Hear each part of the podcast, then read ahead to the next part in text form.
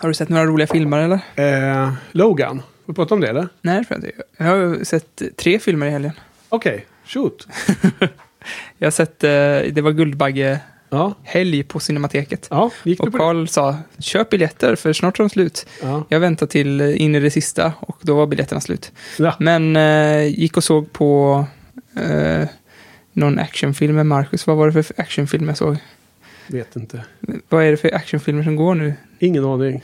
Det var en actionstänkare som jag inte kommer ihåg ens. Men det var Kong jag såg i alla fall. Jaha, Vi, alltså, vad tyckte du om den då? den var, alltså ibland så var den så jävla snygg alltså. Ja. Kong var snygg och det var ju andra varelser som var assnygga. Men det var en piss-story. Det var ju Transformers-kvalitet på storyn men, Ja.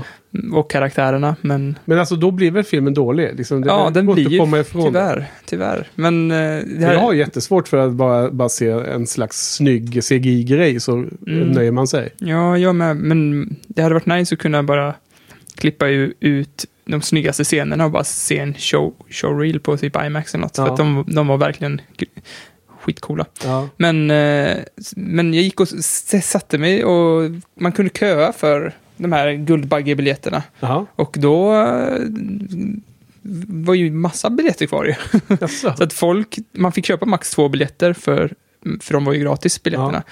Och då var det nog massa som bara tog två biljetter och sen inte gick. Ja. Eller bara gick för en biljett eller så. Ja. För att det var ju mycket plats som helst. Så då såg jag, ehm, ja, inte tillbaka till framtiden, men Flykten till framtiden. Ja. Med Ulf, eller av Ulf Malmros, som ja, är ju ja, topp två regissörer i världen.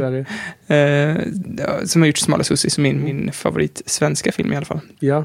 Så den var inte riktigt lika bra som Smala Sussi. Nej, Men jag tyckte den var lite mysig i alla fall. okej. Så, men ja, det är en långt Alltså, från jag hans gick bästa. på eh, Stockholms filmdagar eller något sånt där. Men jag såg den inte då. Eller om det var i Malmö. Jag kommer inte ihåg. Jag tror att den... Du gillar inte Uffe? Nej, det blev inte... Du vet, man väljer då är det typ fyra eller fem filmer parallellt hela tiden. Ja, du har ju varit där. Mm. Eh, Så det blev inte av. Såg du en film till från Guldbaggegalan? Mm. Jarden. Okej. Den var däremot, eh, om man gillar, den är ju stereotyp svensk liksom. Det är Ja. väldigt svart humor. Ja. Men gillar man så här långsam svart humor och sådär så Mm. Då kan jag verkligen rekommendera den. Det var, det var många scener som var där ikoniska och som har mycket igenkänning också om man är sån som jobbat på sånt där stämpla in ställe och Ja. eh, bemanningsföretag och så vidare och så vidare. Sådana pissjobb om man jobbat med sådana. Mm. Då är det igenkänning. och, eh, men Men bygger inte den på någon... Är det som journalistiskt? ja, precis. Jag, mitt i filmen kom jag på vad det var för film. Det är ju den här, det var ju någon som gjorde det lite, liksom wallraffade sig nästan, Ja. tror, jag, tror jag. Men att han, eh, det var en författare som det gick lite dåligt för, Okej. som tog jobb på en bilyard. Alltså, Mm. de, det kom en, Shipping. ja, flytta runt massa bilar bara. Ja, Så att eh, då gjorde han, skrev han en bok om den upplevelsen. Som nu är en film då. Så att eh, halvvägs in kom jag på, just det, jag känner igen det här, det är ju boken ju. Okej, så det är en lite tips från dig då. ja, om man, om man är lagd åt det Mm. hållet. Liksom. Vardagsbänken. Ja, exakt, vardagsbänken. Diskbänksrealismen. Men eh, vad fasen, eh, du såg ju Logan före jag såg den vet jag, helgen före. Eller Ja. fredagen eller vad det var. Det. Så att eh, jag Och jag såg, er när ni såg, skulle gå den se på, såg den på söndagen sen Ja. tror jag. Vad tyckte du om den då? Vi har inte snackat om den ju. Jag tyckte den var skitbra. Ja, Jag, jag älskar den filmen. Alltså, jag hörde på Slash-filmen, det har väl du också hört Ja. kanske, att, att eh, han, man, man trodde att det skulle vara stående ovationer för den, men det var det tydligen inte. Men hur menar du? Eh, De var väl pos- Nej, det var en som var inte lika positiv. Jeff Canada, han är ju Ja. Marvel Zombie. Ja. Sen liksom, alltså han har ju snackat om ah, Marvel sen innan eh, de här filmerna kom igång. Nej, när Ja. första X-Men-filmen kom, så när han hade Total Rad Show, liksom nördgasmade över det i, Mm. det, i den eh, podden, eller vad det kan Mm. kallas när det är på YouTube. Så eh, ja, jag var lite chockad över det, för att det, är- alltså jag älskar att, att eh, för att jag har ju sagt det många gånger, att stakesen för det första så eh, sker allt hemskt off-screen och sen, det gillar jag inte liksom att Mm. är det död så ska man ju visa att det är hemskt och äckligt och Ja, vidrigt. men man har blivit trött på att de är så... eh, att de ska ha PG-13 för Ja. marknadsmässiga skäl. Ja, men det, det är nästan mycket äckligare, att, så här, typ som Spielbergs eller vad det är, The War Horse, när, de, när folk blir skjutna fast liksom bakom en jäkla windmill. Och, och så, det är hemska saker som förtjänar att, liksom, ska man ta upp det ämnet så ska man ju Mm. gå hela vägen, inte bara eh, kamouflera bort det liksom för att få en Ja. åldersgräns som är vettig. Men jag, jag kan tycka att våldet, eh, när det är en film som är eh, grim, alltså som är hård och grym, eh, så adderar det väldigt mycket om man får se det, om det är liksom en, en, en hård och grym film då också. Om man, om man ska ta Och då upp ska det ett vara så tungt, tungt ämne som döden, då Mm. ska man för fan visa det och inte Ja. eh, gömma sig liksom. Ja, nej, men vi håller helt med och vi har lite olika vinklingar på varför. Men jag tycker att det, det har varit väldigt tråkigt med både X-Men-filmerna och Marvel Cinematic Universe. Som hela tiden är PG-13. Så jag var jättespänd på att det skulle vara eh, barnförbjudet. Mm. Det låter ju som att det är liksom det som är självändamålet. Men det är inte det jag menar. Utan jag menar att, att man vill se den film man kan göra om man tillåter sig att ha en barnförbjuden film. Att man inte är begränsad av BG, P- PG-13-reglerna. Mm. Alltså det, det som krävs för att man ska komma in under PG-13 i USA. Och det var jag väldigt spänd på. Men sen är jag ju väldigt o... eh, pepp på X-Men-filmerna generellt sett. Jag är inte jättestor fan av den serien. Nej. Eh, och håller liksom de betygsmässigt eh, på min blogg mycket, mycket lägre än eh, Marvel-filmerna. De, de Cinematic Universe. Mm, samma här. Och det beror ganska mycket på att tonen i X-Men-filmerna är så himla allvarlig och att de, de försöker vara episka men de inte riktigt levererar bra sådana. Men Den senaste X-Men-filmen var ju katastrof. Är så, Ja, alltså, alltså, jag, är kan så, inte ens värde- jag kan inte ens bedöma korrekt vilken men som är ibland bra så eller stod de bara poserade så här jätteallvarligt i sina jävla Ja, det är spandex. apokalyps nu du menar. Ja, i sina Ja. spandexbyxor. Man bara, vad fan vet ni vad det är för film ni är med i? vad men- håller ni på med? Ja, och, och jag tycker att eh, de här eh, Iron Man och Avengers och Thor och alla de här filmerna har allt som oftast en glimt i ögat. Och då kan jag också ha glimt i ögat och tycka att ja, men då, de här fånerierna är acceptabla eftersom de ändå är självmedvetna om att det är inte på allvar. Det är liksom en kul underhållning. Mm. Men nu så eh, passar det in då med den här... Eh, Logan är ju liksom fortfarande... Den är väldigt eh, seriös och allvarlig. Dels har de tagit bort det här att den ska vara så himla storslaget, att det, hela jorden ska gå under. Mm. Av någon blå man med någon slags laserstråle i ansiktet. Men, och, eller som är ännu värre i Avengers, där liksom det kommer eh, utomjordingar och ska liksom ta över hela världen. En stråle från himlen. Ja, istället. Så att, att det tas ner till personlig nivå och att den är så rå helt enkelt. Mm. Alltså det gjorde att jag bara tänkte, wow, här är en helt ny typ av superhjältefilm. Liksom, Ja, men också så här, det var ju spektakulär action, absolut, och det var mycket blod och sådär. Men när vi kom ut från filmen, så- jag gick med Alex och Marcus, om det är någon som hänger med från, har du inte sett den podden så, Ja. så kanske man känner igen de namnen. Men eh, alltså, då var ju ett klagomål att det var så eh, lågt tempo, man hade kunnat klippa ner en timme. Och det bara, nej, det var ju det som var så jävla var så skönt med filmen, att, att de den- gick ner i tempo. Ja. Det var, liksom- helt plötsligt var det en roadtrip-film, Ja. mellan, det var Little Miss Sunshine nästan. Ja. Så här, och, ja. Det var roadtrip-film, det var chase-film och det var ju liksom en, en neo-western. En eh, reformistisk western som är mer lik Unforgiven till exempel, som jag skrev om på Ja, min just det, blogg. de, just det. Det var ju massa referenser till Ja. ja. westernfilmer. Och den lilla tjejen där var helt fantastisk Ja, alltså. Helt grym. Det är det bästa jag sett på film på hur länge som helst alltså. Ja, och där var hon grym. Där välde jag samma ord fast i annan betydelse. Hon var helt fantastisk ska jag säga. Jättebra. Otroligt. Och jag tycker också det var helt underbart att de gick ner i tempo. Att de, lite som Joss gör, ofta i Buffy. Mm.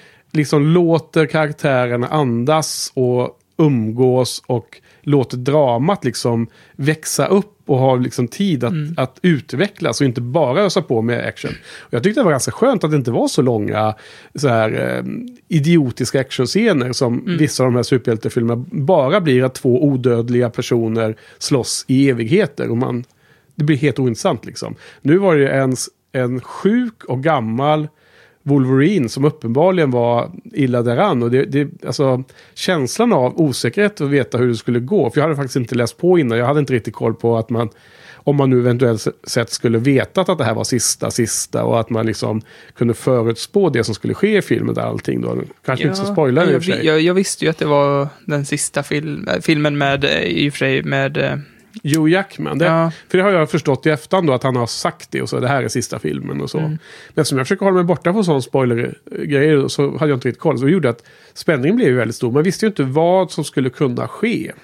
På något sätt blev det på allvar då. då. Mm. Och eh, sen finns det här nitpicking och olika små saker runt filmen. Men jag tyckte ändå att jag var helt blown away i slutändan. Jag har tänkt på filmen jättemycket och jag kände att det var... Av, av de här som är allvarliga i tonen så är det kanske den bästa jag sett. Då. Det kan bara konkurreras med The Dark Knight skulle jag säga. Nolans eh, sådana allvarliga Batman. Tvåan i hans trilogi. Mm. Den här var ju klart bättre än första och tredje till och med. Och den var ju bättre än alla X-Men-filmer jag har sett. Ja. Nej, jag är inte något fan av Batman-filmerna heller, så att det är Nej. utan tvekan den bästa. Ja, nej, Och jag, jag gillar också att, eh, att eh, när de slåss i fighting-scenerna, det här är ju någonting som Buffy är ganska dåliga på faktiskt. Det är ju att deras personlighet kommer fram i fightingen och hur den här lilla tjejen och eh, Hugh Jackman eller Wolverine liksom hjälper, hjälper varandra i Ja. fighting-scenerna. det är helt underbart att de fick med så. ja, det, det känns som en Marvel-grej också, att, att man Ja. har signaturmoves ihop liksom. Och att de... Alltså först och främst var ju hennes fightscener nästan bäst i hela filmen tyckte jag. Och hon var så otroligt vildsint. Ja, så djurisk. Så, ja, precis. Djurisk är rätt ord. Och hon fräste och skrek. Det var helt underbart. Och man såg också när hon förberedde sig inför fight så att hon sköt tillbaka axlarna lite och liksom fick en viss kroppsställning som var precis samma som Hugh Jackman. Och det var så himla snyggt, en liten grej. En liten detalj. Nej, det var underbart alltså. Det, jag gillade den filmen väldigt mycket. Men du, nog om det. Nu har vi pratat lite om filmer vi har sett. Jag har inte varit på så mycket mer bio. Det var evigt sedan före detta. Så att eh, det är... Det har varit tv-serier, det har varit lite annat hemma som gjort att jag inte sett så mycket film. Mm. Men du, ska vi ta och dra igång? Sista Buffy-podden.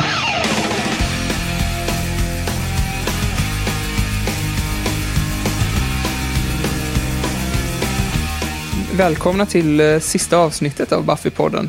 Som idag pratar vi inte om några avsnitt. Idag ska vi bara snacka om oss själva och om serien i helhet. Kanske vi ska låta ut vår box och vi ska prata lite...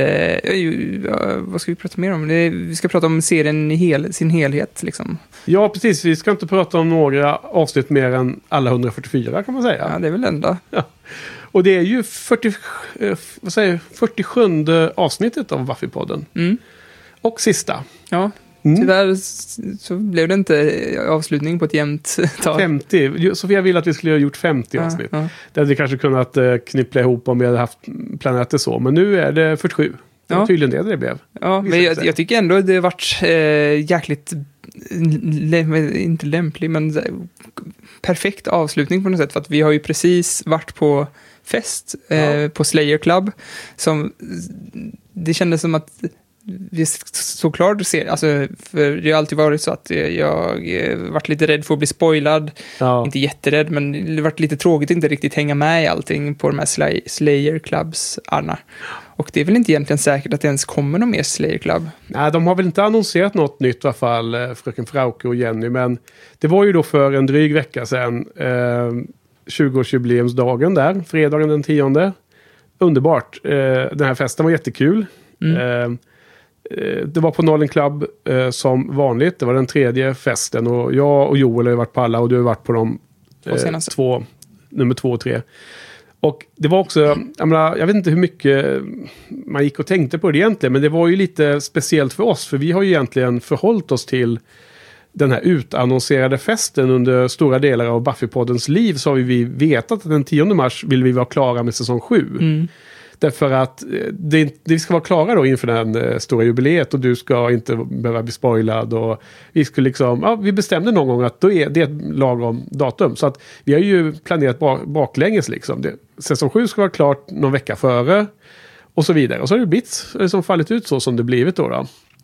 Och sen så bestämde vi att vi skulle ha det här avslutningsavsnittet då lite efter festen. Så vi fick ha med det och, och reflektera över den också då. Tillsammans med allt annat Mm. reflekterande här idag. Ja. Jo, men som du sa, det ska bli både om Buffy som, som serie, lite mer som helheten på serien. Men också lite meta då, när vi tänker på själva våran podd och Mm. våra resa här genom... Jag kollar upp här, vi har alltså kört nu i... Det första avsnittet kom ju ut i etern den 16 november 2015. Mhm. Så vi har ju hållit på här i mer än ett år och fyra månader med det här lilla äventyret. Men vad säger du, ska vi ha några... Eh, ska vi nämna några av de kommentarerna som varit sen sist, eller? Är det sista gången?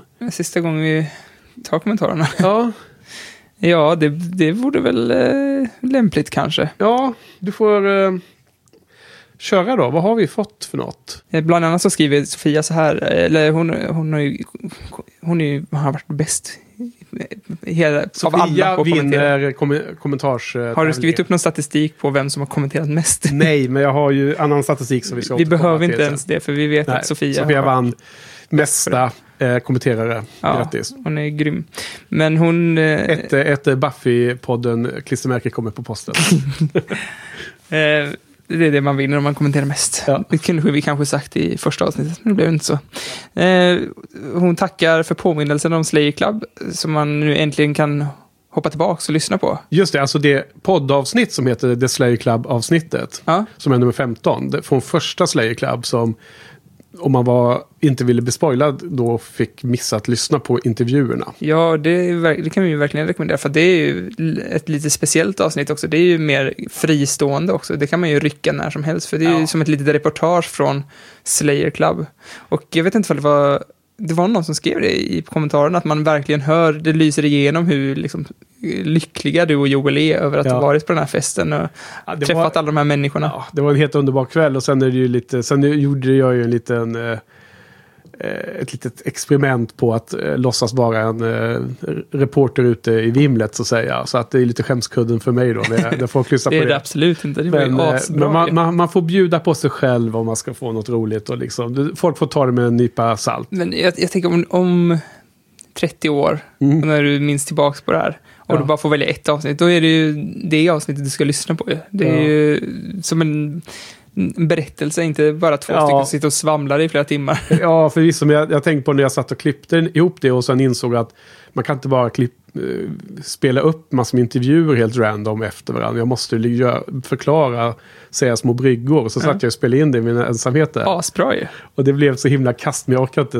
Nej. läsa in om och om igen. Så det bara blev så här sämre och sämre kändes som. Ja, ja, men det är kul avsnitt som du säger. Det är annorlunda, minst Ja. sagt. Sen har Patrik kommenterat också, eh, bland annat så skriver han, ni nämner inte slutscenen där alla pratar om olika saker, förutom Buffy som är helt tyst.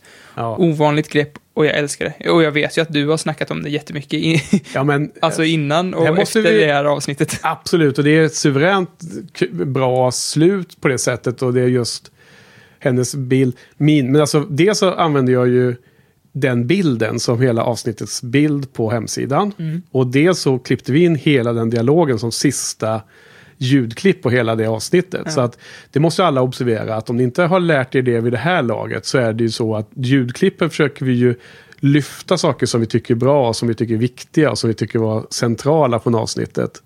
Så att det, istället för att eh, nämna det så har man med det som en liksom, bästa platsen med det allra sista ljudklippet som avslutar det avsnittet. Så jag, jag vill hävda till Patrik att vi har liksom redan lyft det väldigt. Du var lite förnärmad över den Nej, kommentaren, men alltså. jag, det bara slår mig nu att så här har jag tänkt många gånger när jag har klippt och liksom lägger de viktigaste sekvenserna som ljudklipp. Och då, då hoppas jag att, att lyssnarna uppfattar det, att det är så man ska eh, lyssna på poddavsnitten och förstå att, att är det mer där så är det liksom nästan mer värt än när vi sitter och pratar om scenen. Mm.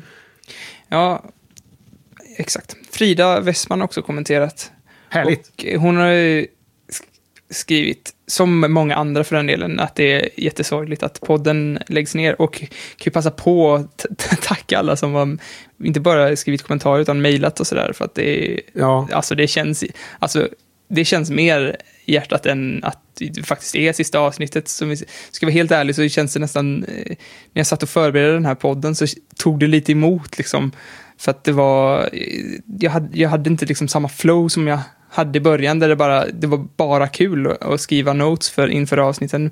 Och nu har det känts lite tungt men det är ju de här kommentarerna som gör att det känns jobbigt att podden är slut. Ja, och det, det måste verkligen repeteras att alla sådana som du säger, vi har fått mail och vi har fått an, på andra sätt. Och inte minst den feedback som vi fick eh, när man var på festen och så här. Folk Ja, som kom fram och pratade shit. med en. Det, Det var liksom helt otroligt. Det är otroligt eh, mysigt och ofantligt stor kärlek till, till, till de som, Ja. som eh, har, har liksom eh, och jag sagt måste- så snälla ord om kanske vår, ska säga vår, det också, att de som kom fram på Slay Club och sa, sa snälla saker, att jag såg skärrad ut, det är bara för att jag är blyg, inte för att jag tyckte att det var jobbigt. Jag tyckte Ja. det var jättehärligt att eh, folk var glada.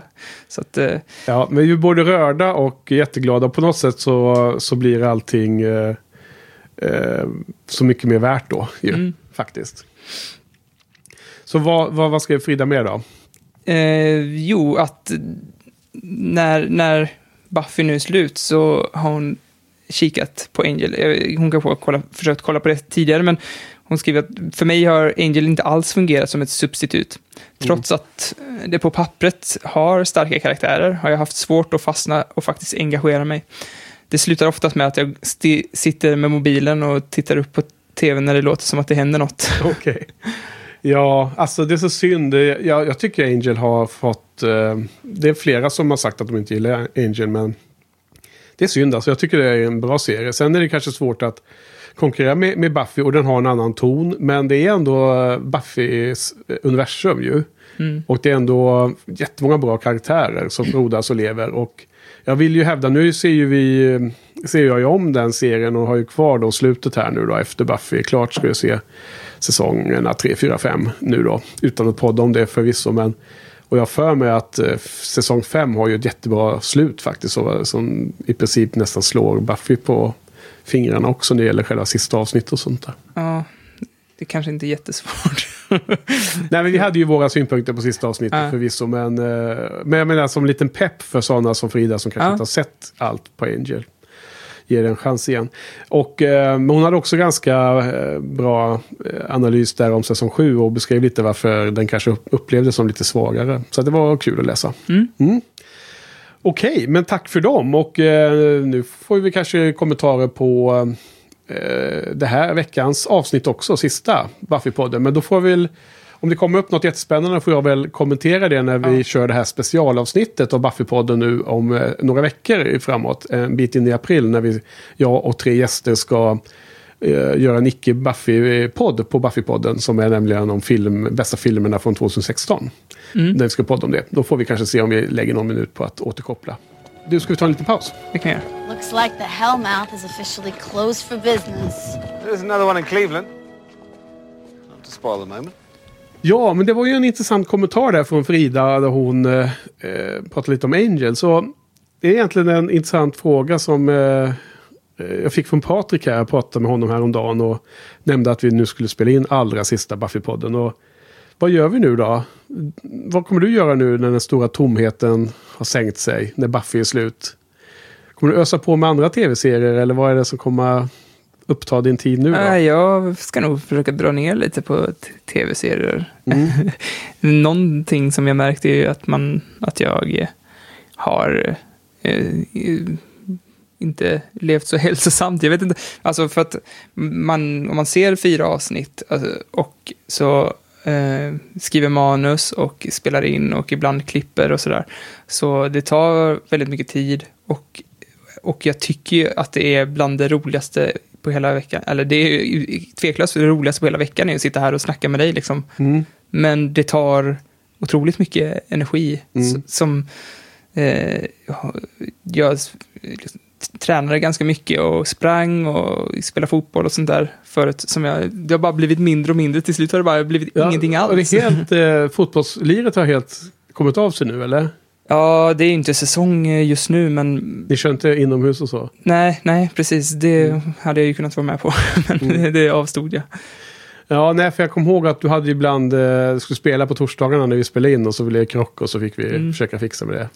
Ja, Ja, så kan det vara. Men ja, så ska försöka fylla det med lite eh, hälsosamma saker. det, kan- alltså, det är för övrigt en rekommendation till många, alla. Alltså att engagera sin kropp i någonting lite grann också. För, speciellt om man, som jag, sitter och programmerar hela dagen. Då kan det vara bra att röra på sig lite. Upp och hoppa soffpotatisar. ja. ja. Eh, Ge fan i Buffy. ja. Man kan ju lyssna på en, en schysst Buffy-podd medan man är ute och springer. Är, Lyssna om på den här ja. ja, det kan man göra. Ja, precis. Jag, jag, jag, jag roade mig lite med att faktiskt kolla upp hur, hur långt vi hade kört totalt sett på de här alla avsnitten som finns ute, förutom det här då. Eh, förutom allra sista avsnittet så har vi nästan 89 timmar. Eh, Ja, men det, det kan man bli fit på alltså. så det, det är lite mer än två timmar i medel då. då. Ja. Per, eh, vänta, 46, nej vad säger jag, 92. Nej, det blir lite mindre än två timmar. Men precis under två timmar i medel blir det. Så det är bra.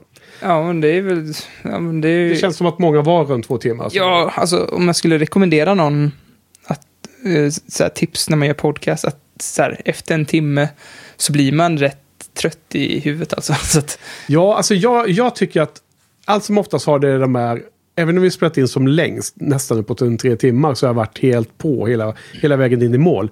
Men man känner ju också att man blir ganska sliten av det. Och det var därför vi kände lite av att vi drog ner på antalet gäster i, i sista säsongen. För att Ja. när man hade fler folk i rummet så var man ännu mer på spänn för att parera alla, alltså att få med alla i snacket och liksom sitta och, eh, det blev mer liksom eh, koncentration som krävdes när, när man var fler än två. Och det, det andra var att det blev mycket längre, bara för att det var fler folk som var med och pratade. Liksom.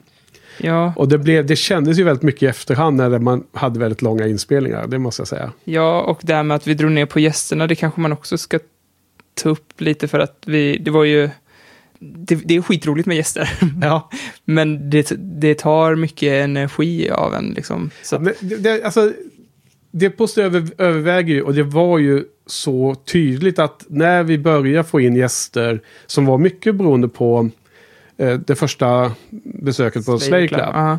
Det var ju då också som eh, podden fick lite spridning och det tog fart med att man såg att antal nedladdningar gick upp och sådana saker väldigt Ja. mycket. Så fort man hade en gäst så är det klart att det spreds på den personens sociala medier och så har det ju spritt sig liksom långsamt. Mm. Så både tiden har ju verkat för att den po- podden blir mer känd, eh, ord till ord, vi har, för vi har ju inte gjort någon reklam för den här överhuvudtaget. Vi har ju knappt annonserat på våra egna sociala medier ju. Nej. Du har inte gjort en, en, en enda reklaminsats känns det som Johan. Ja, nej, det är väl typ, typ när Sara och Mats var här. Då var jag lite stolt och tror jag kanske jag tweetade någonting. Ah, okay, men, men, Men det var ingen kritik, det var egentligen något vi sa från första början. Att vi ska vara... Det är väldigt smalt ämne och det är väldigt nördigt och det är väldigt inaktuellt. ja, det- Du skrev ju ett inlägg på Buffy-forumet. Ja. Och vi gav inte så mycket Nej. respons där. Det är flera som har läst det men inget svar senast jag var inne och tittade. Jag, jag har slutat gå in och, och kolla efter svar. Ja, men, Den- så då, då, vi hade ju egentligen rätt mycket gäster inplanerad inför den här säsongen också. Men, eh, och jag, jag, nu har jag glömt vad, men så här, det är många som vi har lite grann lovat att få komma tillbaka, som inte riktigt har fått komma tillbaka. Sen, Ja. Senast var ju, alltså, bara på Slayer Club så frågade ju Mats vi, vi hade ju velat att de, Mats och Sara kunde komma tillbaka, men de, Mm. vi fick inte till det. Och sen Victoria och Emma, Ja, de ville vi också ha tillbaka, men det blev inte riktigt så. Och även, vad hette han, komikern som vi också lovade att han skulle få vara med i ett avsnitt. ja, det, inte det här jag. blir mycket, Inte jag, det var, det var bara mitt det fel. kanske. Ja. det var bara mitt fel. Men jag vill bara be om ursäkt för alla som vi inte Absolut. lyckats klämma in i den här sista säsongen. Ja, det, så är det. Av olika med. anledningar såklart, men, men eh, så, så blev det. Ja. Och eh, det har fallit bort. Jag vet vi har pratat om att Johan skulle vara med. Men han han är ju inte kapp för att han valde istället att se mm, Angel varannan säsong och Buffy varannan säsong. Och, så det var ju hans eget, e- helt e- egna förskyllan där. Och det, säger han ju själv också. Liksom. Men det var ju lite synd. Så att eh, vi får se om vi Han kanske kommer eh, ett avsnitt längre fram. Han kanske kommer och pratar om 2016 års filmer. Ja. Ja. Men när vi ändå är inne på ämnet gäster så har jag ju kollat upp lite, gjort lite förberedelser på olika, mm, lite så här bakgrundsinfo podden. Alltså vi har ju av de 47 avsnitten då i 47 dag så har vi faktiskt haft gäster med eh, på 20 av avsnitten. Det är så pass många. Och totalt sett har vi haft 17 olika eh, gäster under hela, ser- hela poddserien. Ja. Och de som varit med mest är ju då Joel, har ju varit med fem gånger. Så han är ju verkligen våran vice sheriff i det här. Ja, han har ju till och med varit eh, programledare en gång. Ja, två gånger. En gång när du Ja, var borta det. och en gång när jag var borta. Så det är ju två av de här fem gångerna han har varit med då. Han har varit på Slayer Club och han var med på Once More With Feeling och han var Ja. gäst en ja, då var han ju också lite programledare igen Mm. på Slay Club. Och sen eh, har ju Harald och Hedvig varit här tre gånger. Ja. Och sen har Sara varit här två gånger. Och resten har varit här en gång. Mm. Så det är en himla massa folk som varit här. Det är ju himla kul. Ja. Om man ska ranga ordna dem från sämst till bäst då? Nej men eh, någon sån rangordning eh, håller vi inte på med. Eh, så eh, Nej, okej. nej, Då går vi vidare Då då. går vi vidare. Nej, men åter till en annan så här generell fråga som jag tyckte är lite kul att, att bara eh, filosofera lite runt. Alltså det var ju lite så här, inte slumpmässigt ska jag inte säga, men det, var, ju- det kändes lite så här random när vi började prata om att göra podden och kom igång. Ja, m- alltså mycket slump egentligen. Ja, slump, ja, lite random. Men ändå så, alltså det var ju en klar och tydlig idé som, det var ju du som eh, knäckte den, eller kläckte heter det. Ja, alltså överhuvudtaget mycket så här, alltså att vi ens känner varandra känns som väldigt mycket slump. Om man ska ta det tillbaka jättelångt så är det ju liksom att eh, Marcus var, kommenterade mycket, alltså han läste era bloggar väldigt mycket. Ja. Och jag eh, läste ingenting då i alla fall. Nej. och eh, till, slut så bjöd ni in mig och Marcus och Erik då till eran så här, filmbloggarsfär. Ja. Ja, så då träffades ju vi och sen dess har jag hängt på de där träffarna lite grann, även om jag inte är så inne i bloggsvängen än idag, så jag har fått vara med i alla fall. Så, att, så då, bara den, den grejen känns väldigt random. Ja, det är väl sådär som man träffar folk på väldigt... Alla, alla sådana möten är ju egentligen, har ju sin lite, lilla bakgrund och sin historia. Men eh, det var ju liksom blogg Det och podd, så det var Ja. ni ju jättevälkomna Och det var ju till. på en sån, det var en sån träff som vi drack lite öl och pratade om Buffy och båda liksom alltid Ja. velat göra någonting. Båda, du har velat se om den och jag har velat se den för en sån Ja. kult. Jag hade nog helst velat hatse den här, alltså hate Mhm. watch-grejen. För att jag gillar ju inte slasher och sån, den typen, så här traumafilm Nej. gillar ju inte jag. Så jag hade nog tänkt att jag skulle sitta och ösa skit på den här serien i några avsnitt. Så skulle vi lägga ner skiten liksom. Ja, hur många, hur många poddavsnitt trodde du att vi skulle orka med innan vi, jag la- vet inte, och innan jag vi var la nog ner inte det? helt införstådd i hur mycket sju säsonger är av en tv-serie egentligen. Så att eh, det, det gick nog upp för mig allt eftersom vi poddade så här. Det här är ju faktiskt bra och det här är ju faktiskt väldigt mycket som vi ska ta oss igenom. Ja, alltså det kändes ju som att om vi kan hålla igång en, en tv-serie, avsnitt, alltså säsong, första säsongen, 12 avsnitt, då skulle jag vara ganska nöjd. Då har vi ändå fått en... Som prövat på det här tänkte jag, liksom. Mm. gett en chans. Ja. Jag hoppades att du inte skulle liksom ringa efter en eller två avsnitt och säga nej det här var kast. Liksom. Men, och sen så var det ju så otroligt lyckosamt att du spann igång på flera cylindrar ganska Jag var ju tidigt. mest eh, pepp av oss två tror jag på första säsongen. Ja. Jag var ju helt, jag, älsk- alltså för folk, jag tror att folk har satt ner mina förväntningar på säsong två ganska rejält. Ja, på första ja. Ja, f- Ja. eller förlåt, säsong Ja. ett. Och eh, den, och jag tyckte den var skitbra för att folk bara klarade igenom, vad, vad, vad är det man ska klara sig igenom första säsongen och avsnitt, fram till avsnitt 7, 8 Men jag tror det var andra Sara säsongen. pratade om att man skulle se en bit in, fem sex avsnitt eller vad. Men jag, jag har alltid tänkt att kommer man förbi de elva första avsnitten så är man liksom på, så är det lugnt sen. Ja, jo precis, men när man blir I säsong ett övervunnen, menar jag då. Mm. Ja, när man blir övervunnen till så här, tycker att det är en bra serie, då är, jag tror att det är någonstans avsnitt 7-8 som Ja, man så blir helt, ja. då man blir frälst liksom. Ja. Men alltså, jag var ju frälst ganska tidigt för att alltså, jag tror att det är väldigt lätt att i säsong ett pe peka på detaljer som det här är dåligt. För att det är så för det är ju, det finns mycket som är väldigt dåligt i säsong ett, men det finns också väldigt mycket som är väldigt bra. Och eh, vill man vara en sån som dissar den så är det otroligt lätt att hitta de här dåliga partierna och peka på dem, fast och det är alltid svårare att lyfta någonting än att sänka Jo, men, någonting. ja, men, men alltså, mi- mina, alltså, dels hade jag ju varit gäst på din tidigare podd, Ja. filmpodd, så jag tyckte det var en ganska kul grej med poddning. Jag var ju så nyfiken. Ja. Men framförallt så vill jag ju liksom dra nytta av att du var erfaren och visste hur man gjorde liksom en massa olika saker. Rent tekniskt. Och, Är du inne på ett annat ta- tankesprång? ja, nej, jag bara reflekterar över hur jag inte tänkte på att, hur det länge skulle hålla på. För mig var ju liksom Buffy-serien, jag var väldigt sugen på att se om den, förvisso. Men det var liksom som ett, vi tar en serie för att pröva på den här saken med att podda själv. Ja. Sen blev det bara som en bonus att du tyckte det var så pass bra så att jag började få så här, ja men vad fasen nu kör vi ju på. Ja. Och sen när man väl hade kommit in i andra säsongen då kändes det som, ja men nu ska man göra det här. Men det var ganska lång tid in så som, för vi, har, vi hade ju aldrig så att vi satt och pratade om ja, hur länge ska vi köra och så här liksom. Utan det var ju bara att vi, vi gör nästa vecka också. Och sen, det var ungefär som, ehm, ja, det var ungefär den, den horisonten som man hade i början. Men sen då någon gång in i säsong två av poddningen och i, av serien då förstås. Då börjar man helt plötsligt se sju säsonger. Då har det alltid känts som oändligt långt kvar. Tills vi var framme mot slutet. Då var det jättekort kvar plötsligt. Det gick jäkligt fort den sista säsongen. Man hade liksom ingen, ingen period när man kände att nu är man i mitten och sånt där. Alltså man visste ju rent eh, intellektuellt att nu är man i mitten. Jag tror vi kommenterade det någon gång. Att nu är vi, när vi gjorde runt, vad blir det? Eh, ja, hälften av antal avsnitt, 72 eller det.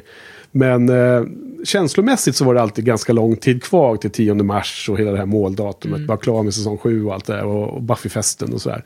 Och så helt plötsligt så var vi framme i fe, januari, februari och det var nära liksom. Ja, men vad vart bäst då med den här poddningen? Äventyret. Eh, jag tycker att Slayer Club har varit bäst. Nej, men jag, det, det känns som så här eh, milstolpar ändå. Att, eh, att eh, det här med slumpgrejen, liksom att jag tror att jag har en kompis som jobbar på science fiction-bokhandeln som så att jag väljer gärna att kö- köpa grejer där. Så jag tror att jag var, var där och köpte någonting. Kanske, Ja. kanske något Buffy-relaterat till och med.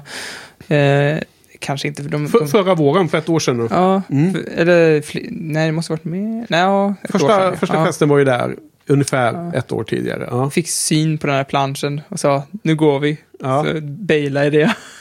och sen så kändes det som att du bara Du hade ju blev ganska besviken och tänkte Ja. skita i det. Och sen så här, om, om Joel liksom ger minsta vinkning om att han inte är pepp, då skiter vi i det liksom. Ja. Och sen, Ja, men det var, ju, det var ju lite längre för att du såg den där planschen om att festen skulle vara och sen så var det slutsålt. ja just det, till och med så. Och då så hörde jag av mig till eh, Nalen och frågade vem är det som arrangerar den här, den här festen ni ska ha det här datumet, vad det nu var då, första festen. Och så fick jag den kontakten och sen så hörde jag av mig och så mejlades vi och sa att vi har en podd och får vi komma dit och intervjua arrangörerna och intervjua lite av gästerna. Så vi kom ju in dit som eh, på gästlistan då, så vi var ju ute, utöver, vi hade ju inte biljetter ens. Och sen så var jag ju så himla pepp på det där, det var ju himla kul. då. Och sen helt plötsligt säger du, nej jag ska resa bort den helgen. typ utomlands någonstans. Jaha, liksom, men vi har ju planerat allt det här nu liksom. nej, jag ska åka iväg. Och jag hade liksom, fan Johan, jag är så blyg. Du, du vill inte gå på den här festen. Du har hittat på att du skulle gå utomlands liksom, tänkte jag. Men så ville ju Joel hänga på. Fast när vi åkte dit så tänkte vi, vi är där en timme liksom. Ja. Men så, så var det ju en så underbar fest så att det var ju verkligen en höjdpunkt. En av höjdpunkterna. Alltså, jag håller med, men alltså, det, de här mejlen som man fått och den här responsen man får från faktiskt inte jättefå läsare, utan det är ganska många som har hört av sig på olika sätt. Det har ju varit en höjdpunkt såklart. Man blir ju helt eh, otroligt eh, glad av att fått det. Att folk eh, verkar gilla podden och skriver att de kommer sakna den eller att de har eh, sett fram emot måndagarna när den kommer ut och sånt där. Det har varit en höjdpunkt. Och sen alla de här gästerna som vi ändå haft. Alla de här som älskar serien. Och man har fått liksom en insyn i så många olika personers relation till den här liksom, gamla tv-serien. Mm. Att man kunnat haft en sån gemensamt ämne som man har kunnat mötas runt.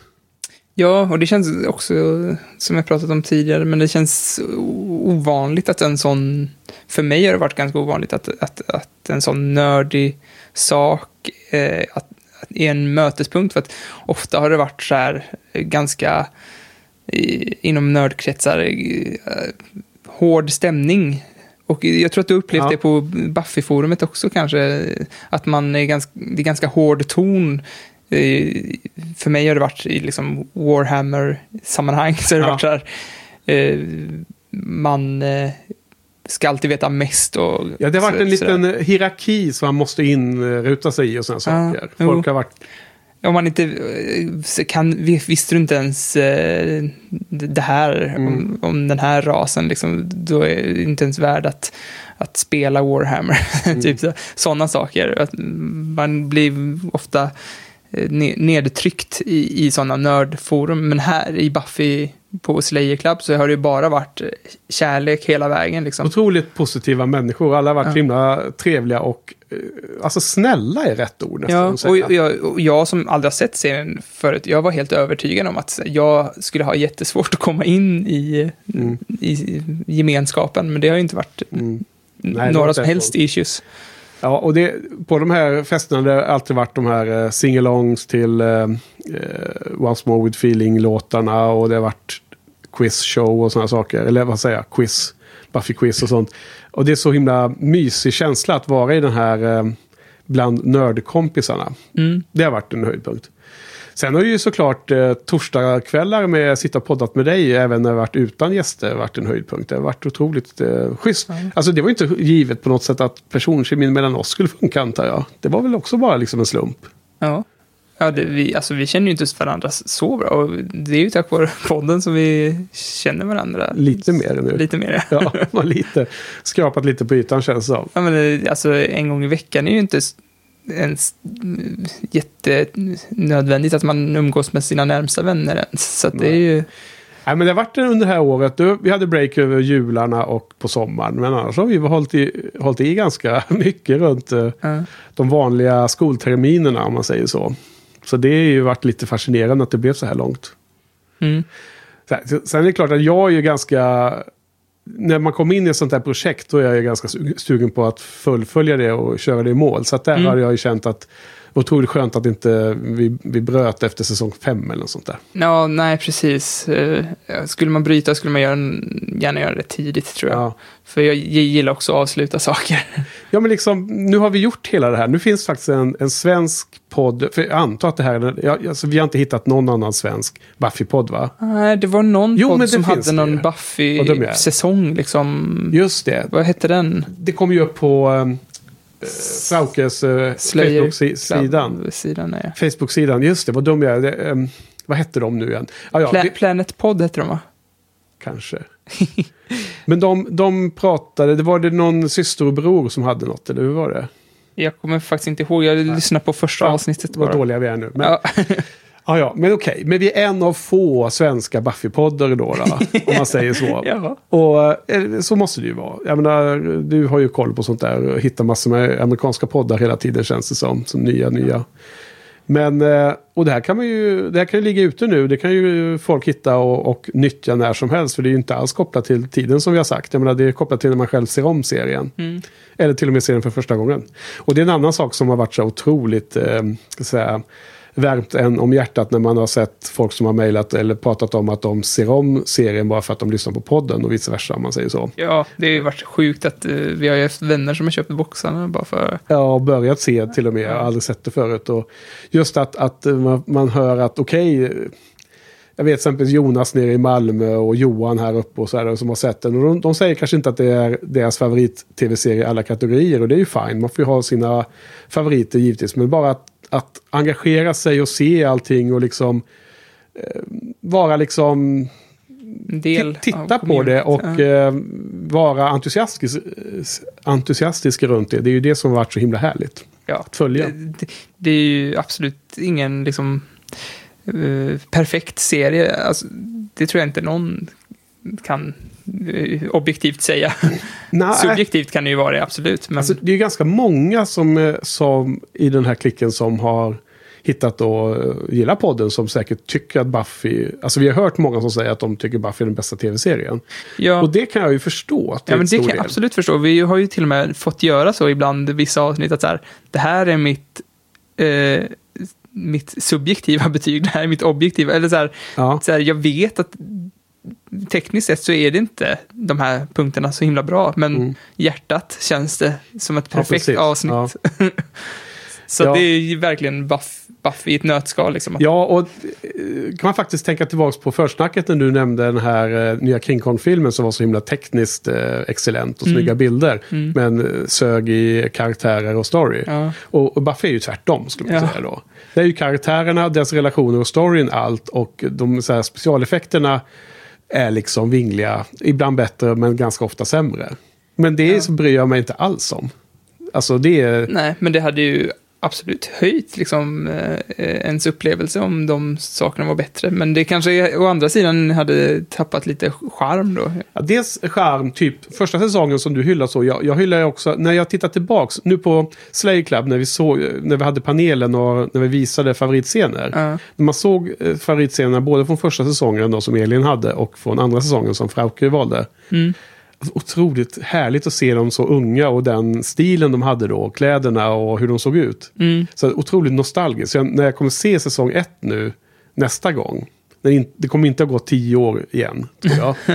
för nu, eh, lite som Sofia sa, nu kanske man vill se serien för sin egen skull utan att eh, podda om den. Liksom, Ja. Utan att göra allt arbete runt varje avsnitt. Men då kommer man liksom njuta av de nostalgiska känslorna runt de gamla. Och det, det är ju det som man kanske saknar om det blir för välproducerat. Om vi var inne på den här frågan om, om det skulle vara så supernice teknik och allt det där. Och skulle man, skulle man liksom kom, kompromissa en millimeter på karaktärer och relationer för att få lite bättre eh, specialeffekter så skulle jag bara säga nej direkt. Alltså. Ja. Gärna bättre specialeffekter men det, får inte, det skulle in- inte få ta bort någonting av känslan av det andra. För det är det som är det bra i den här serien tycker jag.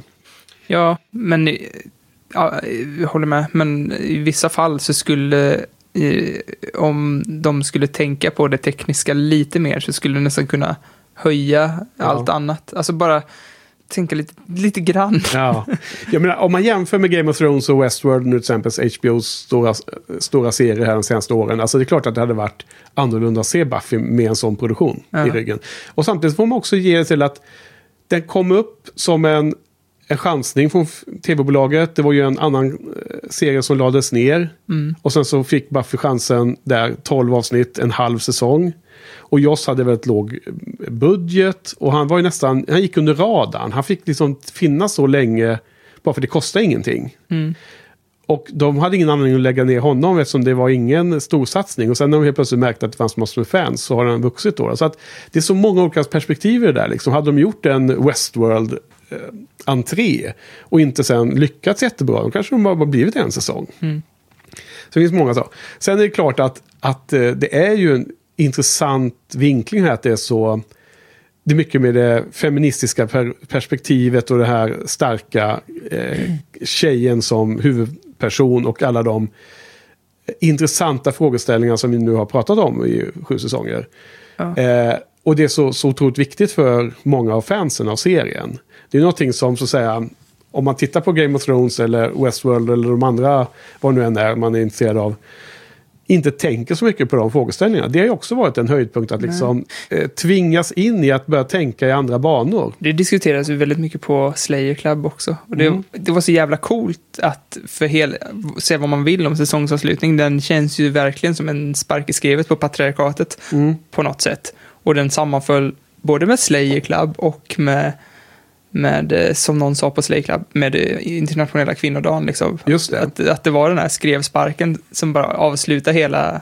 Ja. Det, var, det kändes så jävla klockrent på, på något sätt, hela den avslutningen. Så, Ja, och, och jag, jag antar att de flesta lyssnare har fattat det sedan länge att inte jag är jättebevandrad inom den typen av analyser och, Nej, men och tankebanor. Inte, är absolut inte jag heller, men det känns väldigt tydligt också, som också togs upp på Slayer Club, av folk som är mycket mer insatta än oss två, att eh, om man ser tillbaks, alltså Buffy kanske inte ur ett feministiskt perspektiv perfekt, men om man ser på samtida serier, Ja, som exempel Vänner och hur Ross uppför sig, ja. så är det ju sån milslängd ja, de var banbrytande då, på den tiden. Det är det man får ge serien. Sen kanske inte skulle vara lika solid som Sara var inne och pratade om, om det var i dagsdatu. Mm. Men jag tycker att det är, den är så intressant att prata om ur det perspektivet och det är det som är en stor del av värdet av den. Mm.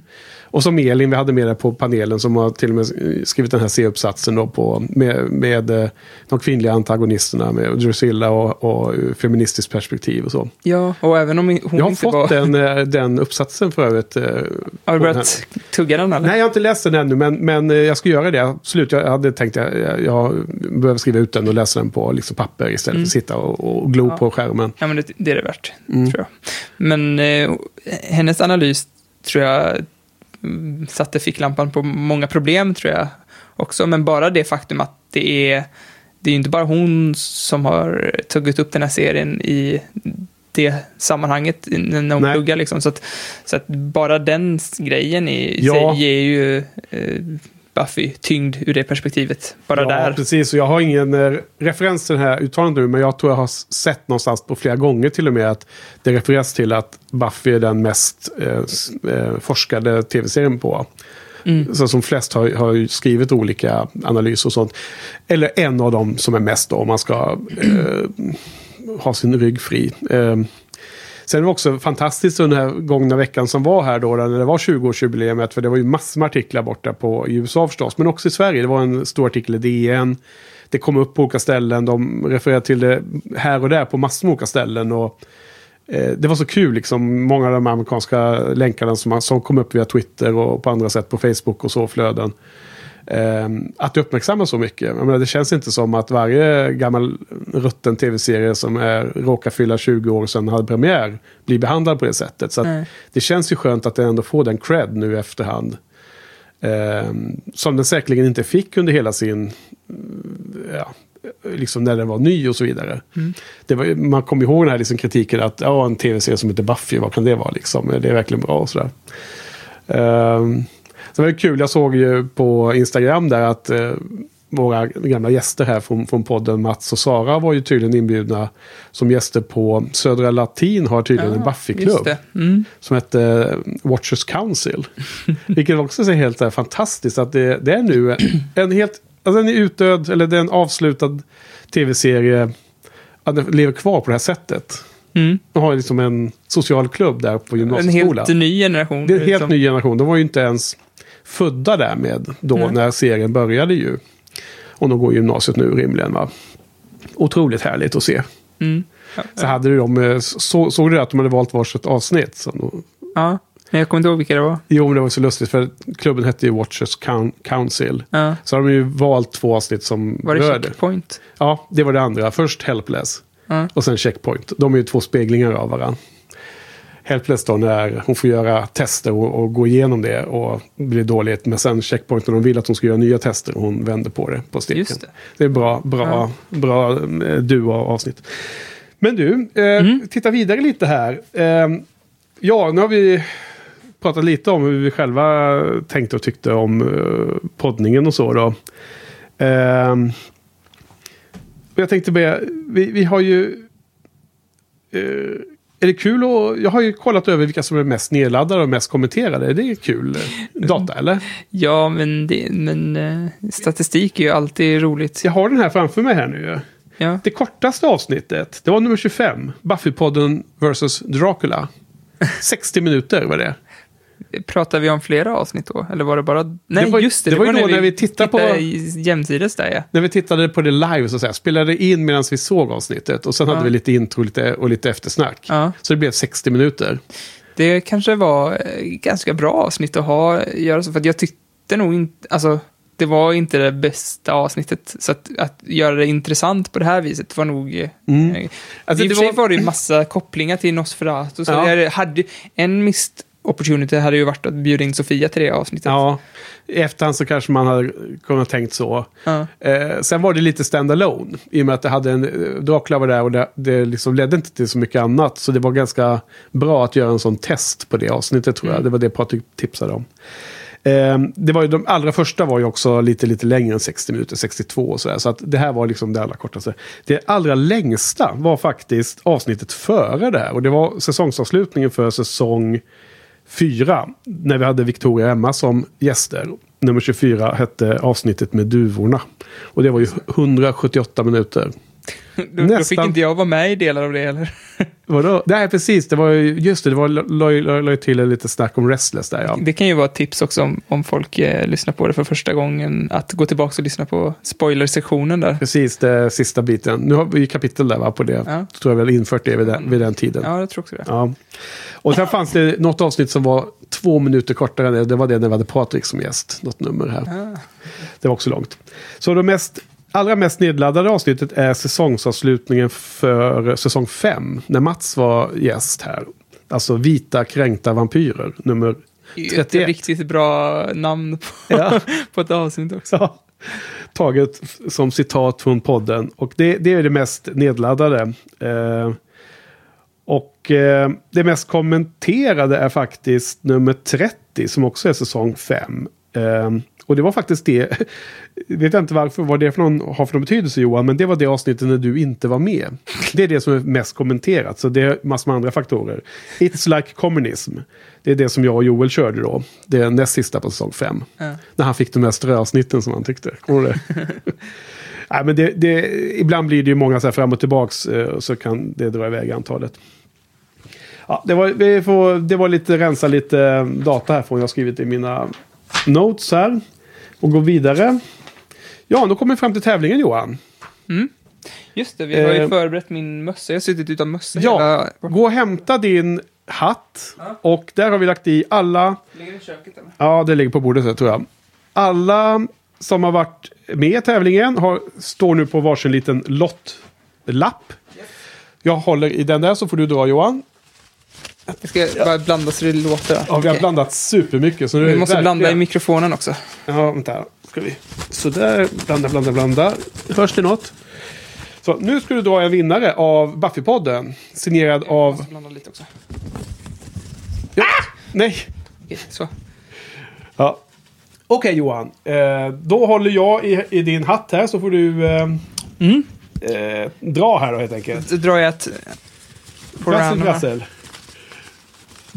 Oj, oj, oj. Oj, nu blev det två här. Nu har jag ett. Nu Ja. har jag en rackare här. Men Det blir väl inte som på um, Oscars nu då, att vi får fel namn först. Nej, Nu, Okej, nu gäller det här allihopa. Vem är vinnaren? Okej, nu är det sista viket här. Ja. Nu! Lina R. Lina Rundqvist. Hon... Grattis! Grattis! Grattis! Har hon eh, kommenterat eller är hon kändis? Eh, lite oklart, men har vi inte haft någon som... Pinsamt. Ja, men jag vet inte om Lina har skrivit någonting. Eh, vänta nu. Jag känner inte igen det direkt sådär. Nej. Men eh, stort grattis i alla fall. Ja. Så vi kommer eh, väl hoppas att det här når ut. Men vi skickar, jag skickar ett svar på mejlet också. För att Ja. jag tror inte vi har adress och så. Nej. Men tänk om hon inte svarar då? Ja, men då får vi... Ja, men det måste hon göra. Det- Hon har ju varit med, gått med i tävlingen. Så jag får hoppas att hon lyssnar på det här. Att hon Ja. jublar. Hon kanske redan har svimmat här nu när hon lyssnar på podden. Ja. Vann. Ja. Nej men så grattis till det. Och sen är det alltså. De allra flesta av, av gästerna har signerat på den säsong de var med och pratade i. Så att det är eh, det, det som är added value på den här boxen. Mm. Och nu har vi också signerat. Och vi har signerat säsong ett. Ja. Härligt. Sen då så. Nu har vi redan kört en hel del Johan. Men nu har vi ju kvar att prata om eh, serien mycket mer. Mm. Nu har vi pratat om metanivå, nämligen om poddningen om serien. Ska vi gå in och prata lite om serien eller? Ja, det låter väl som en bra idé. A cranky slayer is a careless slayer. Buffy, maintaining a normal social life as a slayer, i- i- it's problematic at best. This is the 90s, the 1990s in point of fact, and I can do both. Clark Kent has a job. I just want to go on a date. Well, I suppose it was a fairly slim lead. Thank you, thank you, thank you. And look, I won't go far, okay? If the apocalypse comes, beat me. Det var lite lustigt att du var inne på det här med säsong ett och det var så härligt och så. Och då kanske vi kan knyta an till lite om jag ska ta upp en första boll i luften här som vi ska behandla lite. Jag har ju frågat runt lite med olika så här, vill ni liksom, vad- vad ska vi prata om i sista avsnittet? Och jag menar, Sofia har föreslagit någonting på kommentarerna och någon har sagt det, eh, vad heter det, oh, helt eh, kommit upp och bara föreslagit och jag har också frågat Patrik. Så det har varit lite olika vägar inne. Men han, eh, en grej han tänkte på, de olika säsongerna och hur eh, och de olika säsongernas tema har varit hur vi har uppfattat dem och vad vi då tyckte om vilka som var de bästa säsongerna. Den, Första är ju lite så här att det, det är ju väldigt mycket fokus på introduktion av karaktärerna och att det väldigt löst. För det finns ingen riktig handling. nej, det är väl mycket, Tycker jag. mycket bara att, att eh, det är stand-alone avsnitt och sen att de sitter och bara snackar och har det gött med varandra. Ja, mycket introduktion av världen och karaktärerna. Ja, ja. Alltså det finns ju en, en liten story arc och det är ju om The Master och att Buffy i någon profetia ska dö där då, då och han ska komma upp. Men om man jämför med de andra säsongerna så har det ju en väldigt, väldigt lite story arc. Mm. Som gör att den får sin feeling. Eh, som gör också att man kanske kan se den med mycket mindre betungande story arc som liksom stör. Det är helt klart så att eh, säsonger kan vara bra av två skäl. Antingen kan det vara väldigt bra individuella avsnitt som sticker ut. X antal bra avsnitt av dem hela säsongen. Eller så är det en väldigt bra säsong därför att den hålls ihop väldigt väl och har en väldigt spännande handling. Liksom. Tillsammans med att den givetvis har bra avsnitt då, då insprängt. Eller hur? Ja. Och säsong ett är ju väldigt så här, loose tycker jag. Tvåan då? Andra säsongen. Där har jag hittat på så här. Jag kallar det för The, the Boyfriend from Hell. Det är mycket runt det här att eh, Angel blir Angelus och eh, allt med den eh, relationen som, som förstörs av det. Ja. Liksom där vampyren står för eh, symboliken är ju elak eller inte elak mm, pojkvän om man säger så. Ja. Om man nu tar det väldigt bokstavligt i Buffys värld. Då, eller för henne. Eller hur tänker du om säsong två? Alltså säsong två, den stora grejen liksom, känns det som, med säsong två, är ju att man tar en karaktär som man tycker väldigt mycket om och gör den elak. Alltså, och i en handvändning också. Typ, eh, om man, min, en av mina favoritserier är Breaking Bad, där man långsamt gör huvudkaraktären ond liksom. Men här är det ju liksom eh, som natt och dag helt plötsligt så är Angel Angelus och eh, The Evil Boyfriend liksom. Ja, Så- det är ungefär som eh, någon som är på jakt efter att bara få ligga och sen efteråt så är helt kall. Och Ja, allt det där. ja alltså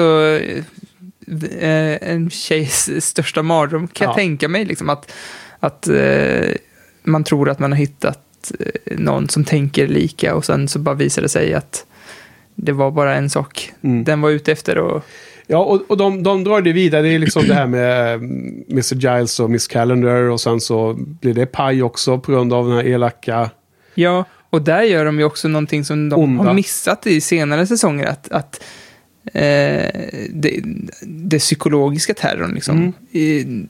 Och inte bara fysiskt våld och snack om over 9000, utan där är han ju verkligen, alltså det, det är ju en guldfisk-episod där Mm. ja, som är så här bara... Utstuderad verkligen. Ja, Ja. som är... Och, och men även sen då um, Spike och Drusilla och den liksom kampen mellan eh, Angelus och Spike och att de håller på att jävlas med varandra. Det, det, det där. Ja, och, och Ganska- eh, Drusilla är ju ett levande bevis på hur långt eh, Angelus kan ta där. Ja. Hur, och liksom, det gör ju att Buffy ju, känns att vara i mer fara än Ja. vad hon gjort när hela världen ska gå under senare. Ja. Liksom.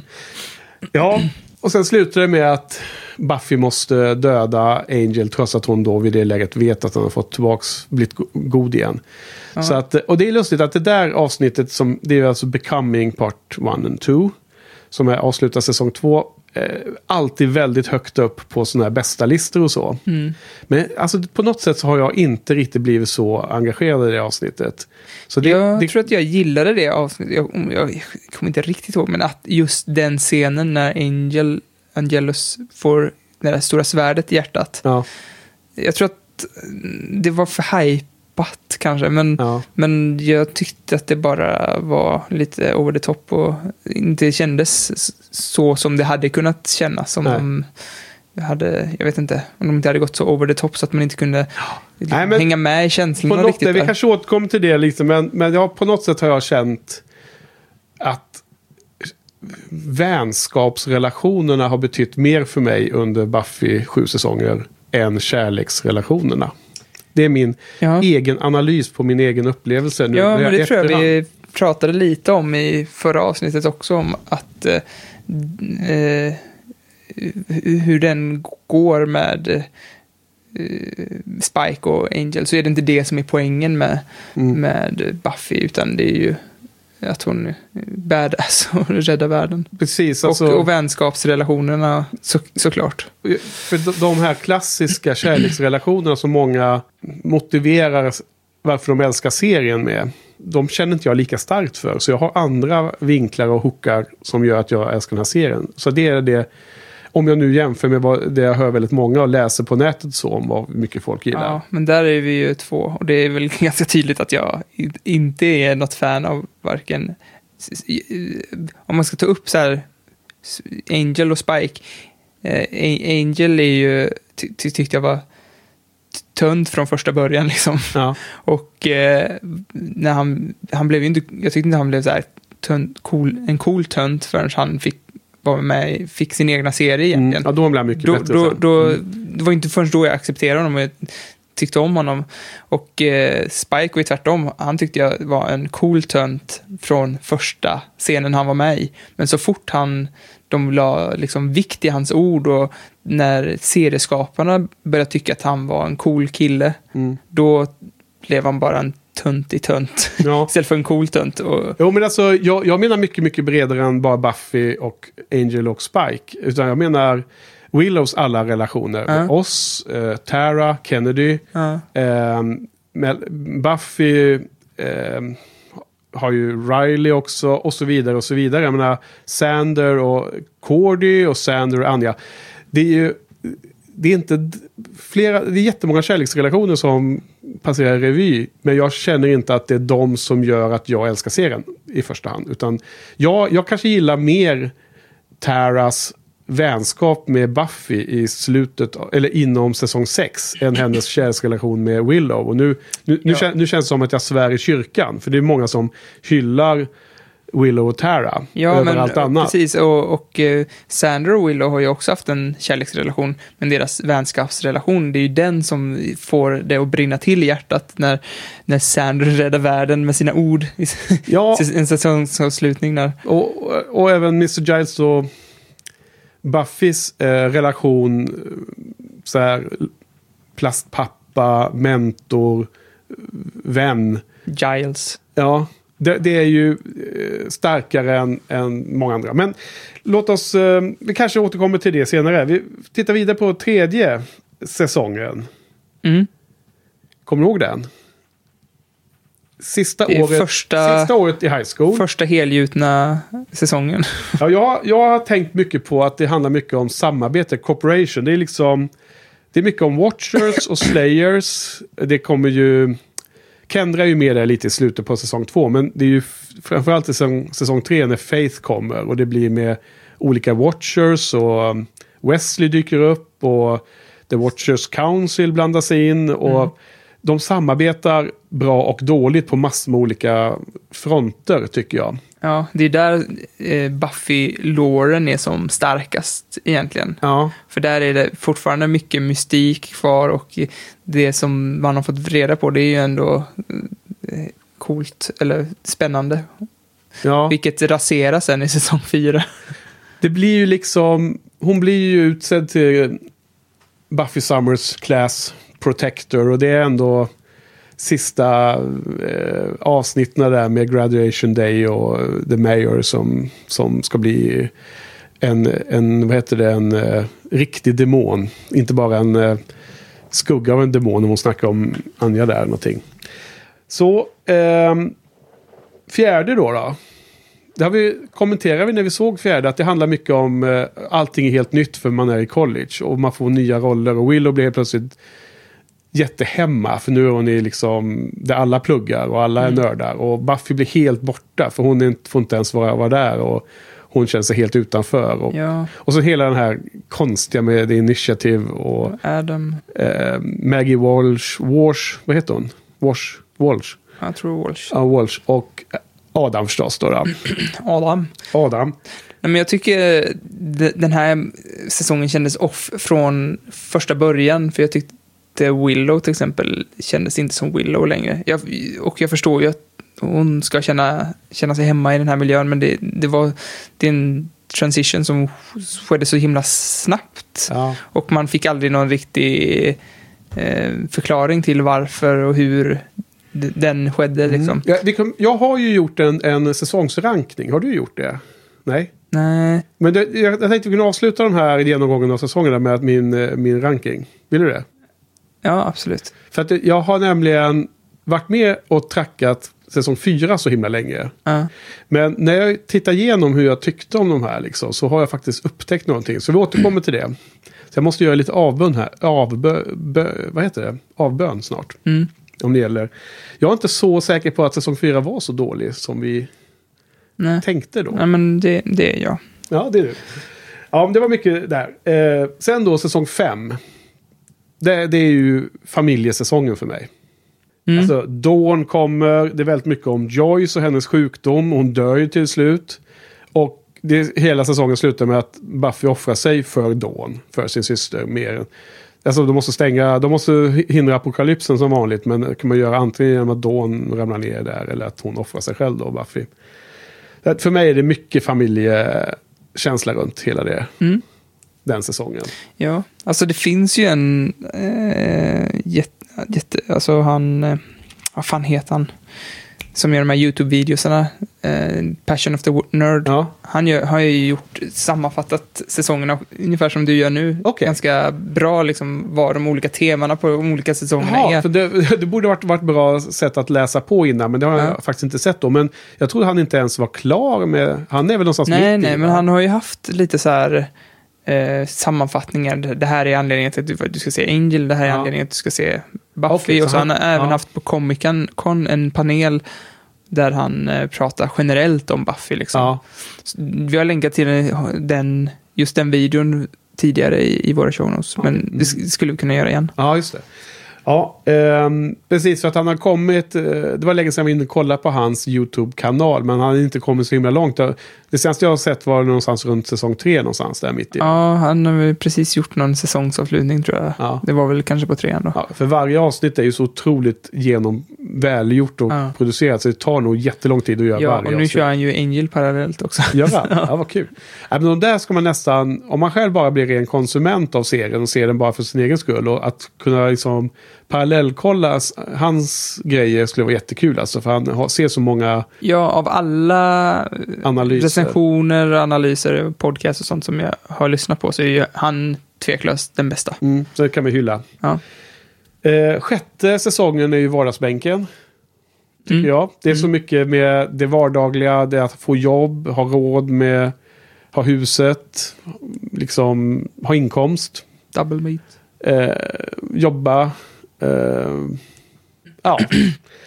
Och sen sjunde säsongen som ändå är ganska fragmenterad som vi, vi tyckte som vi nyligen pratade om. Men att det på något sätt kokar ner till den här hela, hela seriens eh, eh, syfte med den här Female Power. Eh, Buffy är liksom badass, stark och hon fixar det här. Och i slutet så låser hon upp kraften eller potentialen för alla potentials på något sätt. Om man skulle sammanfatta lite. Mm. Eh, Okej, nej men det var mer, mer så att se vad, eh, vad det kunde leda till att försöka göra en sån lite genomgång. Jag skulle bara dra min, mina, topp, min topplista här nu då. För att du har ju bara insett det helt plötsligt att säsong 4 är inte alls sämst. Nej. Om man börjar, börjar titta på vilka som är de bästa avsnitten så poppar det upp säsong 4-avsnitt precis överallt känns det som. Mm. Och Så jag, jag känner egentligen så här då. Vill du höra den här listan eller? Nej. Jo, det Jo. vill jag. Men bäst Jo. rankar jag säsong 5. Mhm. Den har både bra avsnitt och bra ö, ö, ha- överskrivande handling. Ja. Jag var inne på det tidigare att säsong 4 är ett exempel där liksom jag gillar inte The Big Bad och dess generella story arc som handlar om initiativ och allt det där. Mm. Men jag tycker det finns massor med bra avsnitt insprängt. Mm. Så det är den, den eh, man måste, det är två parametrar som man kan bedöma här. Så tvåa då så fightas säsong tre och säsong sex. Trean är snäppet bättre på vissa höjdaravsnitt. De vinner på topparna.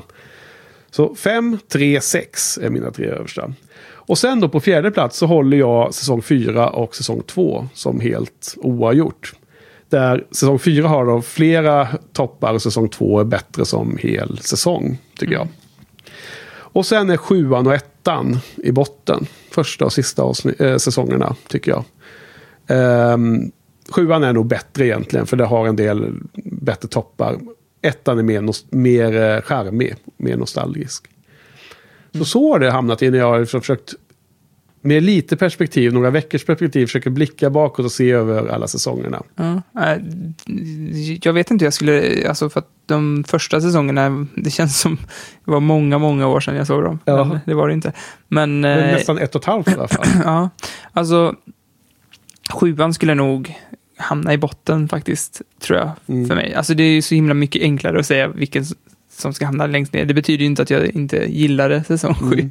Men, och eh, ettan skulle hamna mycket högre för mig. Eh, och fyran skulle hamna ganska lågt också Mm. där. Så sjuan och fyran skulle hamna i botten och kanske trean och sexan. Eller tre, trean och fem, tre, fem, sex. Ja, men de gillar jag. Så Ja, det är de är bästa. De skulle hamna högt upp. Och ettan också. Sa du? Ja, hamna. Har du någon, vet du vilken du skulle nog välja om du bara säger allra bästa? tre kanske. Ja. Ja. ja. Som sista vinkling på det här med de olika säsongerna. Får, jag, får jag dra den också? Mm. Och det är liksom ett litet tankeexperiment. För att Buffy är ju lite känt för, så vitt jag förstår, om man läser olika artiklar och så, att, att nästan alla säsongerna så visste inte Joss om man skulle få förlängning. Jag tror att det ska finnas en säsong och jag tror att det är mellan fyra och fem som han visste att han skulle få förlängning. Och att det var därför han kunde slänga in den här ganska orimliga, alltså Restless som inte var som en Wrap It Up. Utan han visste att han skulle få gå vidare. Och så använde Restless som ett, massor med föraningar. Men då är tankeexperimentet så här att tänk om serien hade blivit nedlagd efter varje enskild säsong. Och vilket... eh, Alltså tanken är att alla säsonger hade varit den, den sista. Mm. Vilka hade varit de bästa sluten? Förstår har- du tankeexperimentet? Ja, precis. Jag har ju skrivit upp eh, vad jag tyckte, eh, liknande punkt här. Ska se ifall jag hittar den. Ja. Bästa, just det, bästa säsongsavslutningen. ja, det är nog liknande. Men jag har också tänkt, försökt tänka mig om att om man skulle få leva med det Ja. avsnittet som Ja, allra jag, sista. Jag, jag förstår, jag förstår. Jag tänkte bara ta upp den Ja. punkten som var närliggande där. Ja men perfekt. Men eh, du kan ju ta egentligen, vi kan ju bolla fram och tillbaka. Du kan ju ta dina, mm, vilka, vilka tycker du är de bästa säsongsavslutningarna? Just för att jag tycker att säsongsavslutningarna har generellt, alltså i början var de ganska bra, Mm. men sen tycker jag att de har blivit svagare och svagare och Ja. kulmerade i säsong sju. Och den här eh, säsongsavslutningen som du och Patrik hyllar så himla, himla mycket. Den, tycker jag är är när hon offrar sig för Dawn. Ja, I femman ja. Ja. The Gift.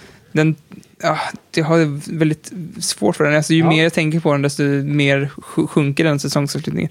Så att den som jag gillar mest och som jag så här, får mest nostalgi av också, det är ju Graduation Day, när hon får det här fina talet av sin, Ja. sin ja, Jonathan är det som håller talet för Buffy. Ja. Och eh, säger att de har lägsta dö- dödligheten i sin klass på länge. ja, precis. Då, då, då får vi ta, det är ju The Prom-avsnittet. Men då är det som de, de sista avsnitten du, du rankar egentligen. Det är inte säsongsavslutningen. Nej, det är inte det allra sista avsnittet. Men det är ju skitsamma. Vi förstår hur du menar. Vilk- vilket är det sista avsnittet? Där. Alltså, först kommer ju The Prom. Och det är då hon får det. Och sen är det Graduation Day som är dubbelavsnitt. Part 1 och 2.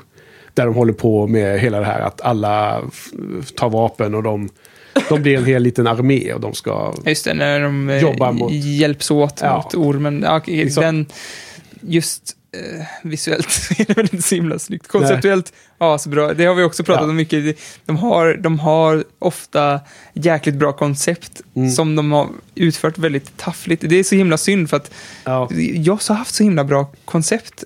Inte bara det att han har skrivit skitbra dialog, han har, har faktiskt skitbra koncept som är så himla taffligt utförda hela tiden. Ja. Så, jä- jäkligt synd faktiskt. Jag, jag tänkte så här att om bästa...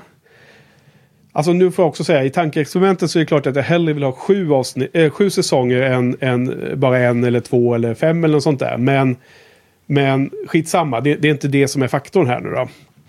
Så bästa eh, slutet skulle vara säsong fem just. Det är när hon offrar sig och stoppar apokalypsen. Det hade varit ett jäkla badass slut på hela serien alltså. Och det var väl också ett eh, möjligt slut. Det var inte säkert att man skulle få komma över till den nya tv-kanalen och allting. Så det hade ju funkat tycker jag. Ja, men det som vi pratade om förut, liksom att, eh, att, att döden är sådär grandios, det är den ju aldrig. Jag tycker att den ska vara hemsk och fruktansvärd och, och gritty liksom. Ja. D- Men det var brutalt bra musik där. Sacrifice-låten. brutalt överskattad musik, ja. Ja, jag älskar den. Andra bästa slutet är ju trots allt säsong 7, tycker jag. Eh, jag menar, det är liksom ett mäktigt slut, skulle jag säga. Så som det görs. Och så. Tredje bästa, det är ju säsong 3-slutet, skulle jag säga. När de har faktiskt graduation. Och um, oss kommentar, we, we made it, och så här, kom ut ur high school. Där är som serien, där hade funkat att serien slutar där. Eh, de hade stoppat ett hot då, då som The Mayor. Dålig specialeffekt och jäkligt ful orm, men konceptet hade funkat. Sen tycker jag säsong 1 hade varit nästa eh, bästa slut. Där med The Master-fighten, hon återuppstår och blir återupplivad. Eh, sen säsong 2. Att avsluta när Buffy dödar sin älskare och kastar honom till helvetet. Det har varit ett ganska eh, chockerande slut. Men ändå någon mening funkat. Och sen eh, säsong 4 är näst sämst. Eh, hela den där initiativ och fightas mot Adam och så. Ja, fast det är ju ändå, där är det ju eh, så här episkt på något sätt. När, Ja, de... de Om det är någon slags... eh, Fan, jag såg någon YouTube-video, jag- jag bara spontan-googlade just den, den scenen eh, med när hon blir Adam. Vad fan, de, de kallade henne något eh, ja, men de, roligt. de, de, vem då? Bu- Buffy? ja, Alltså hon, hon får ju massor med kraft från, från de andra och de blir någon slags eh, First Slayer-styrka som hon får. Va? Hon blir ju liksom någon slags förstärkt Slayer ja. i, i den där fighten. Hon kan ju stoppa... Hon gör ju de här kulorna till duvor. Det är därför... Det var ju det Victoria... ja just det, de- God Mode kallar de Ja, det. ja, okej, okej, okej. Alltså, det, egentligen så hade ju säsong fyra varit ett ganska lustigt slut på hela serien. Först då den här konstiga fighten mot Adam och sen avsnittet Restless. Det har varit lite random att ha det som sista. Ja. Alltså, Egentligen borde jag ha det mycket högre känner jag nu. Men allra sist, allra sämsta tycker jag är om serien hade avslutats efter säsong 6. Jag tycker att det liksom var en eh, tough, alltså jättehärlig Dark Willow story arc, de, de sista avsnitten. Men just det slutet där när Willow håller på att förstöra hela världen och Sander räddar upp situationen med att nå fram till henne med sitt lilla eh, speech och sin närvaro där. Mm, hade jag nog inte tyckt att, att det var ett värdigt slut på en hel Buffy-serie. Och jag tror inte att det har så mycket med att göra med eh, eller Sanders speech där i slutet, utan har mer att göra med hur Willows eh, karaktär har behandlats eller misshandlats i hela, genom hela den säsongen. Man vill ju eh, inte avsluta med en dålig... Ah, nu pratar jag bara för mig själv Ja. kanske. För, för jag, jag tycker att eh, hela den, den metaforen med Willow som... som Knarket. Ja, Ja. väldigt fattigt Ja. utfört. Och att, eh, att eh, Sander Ja, räddar henne. nu, nu, nu, nu tänkte jag säga magin, men jag sa till och med knarket. För det, det, det är så skrivet på näsan så att jag, jag kommer inte ens... Jag Ja. sa fel där liksom, utan ens tänka mig för. Ja, Ja. ja, ja, men precis. Ja, men, eh, om Sander hade hållit det speechet mycket tidigare i och hela den här knarkmetaforen hade varit ett avsnitt, då hade det varit ett grymt avsnitt tror jag. Men Ja. att dra ut på det så jäkla mycket. Det, Ja, det är möjligt. Ja, jag, jag såg det i alla fall inte som, som ett bra slut på en hel tv-serie om det nu hade varit säsong 6 som blev Nej. sist. De kunde varit lite sublimare också i metaforerna där. Jag vet inte.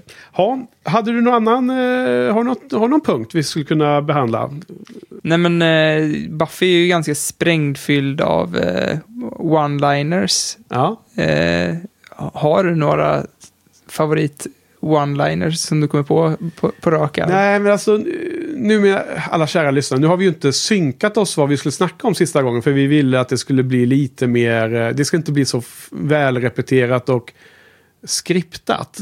Och Men jag då är jag också- lite orolig att just en sån här punkt är helt omöjlig att komma upp på plats. Ja, på, precis på volley Alltså live. Så det får nästan du dra ganska- dina, så får det- jag reagera på dem istället. Och det är ganska tråkigt att egentligen bara dra alla one-liners. Ja, men är får du klippa in dem här istället Ja, när du klipper.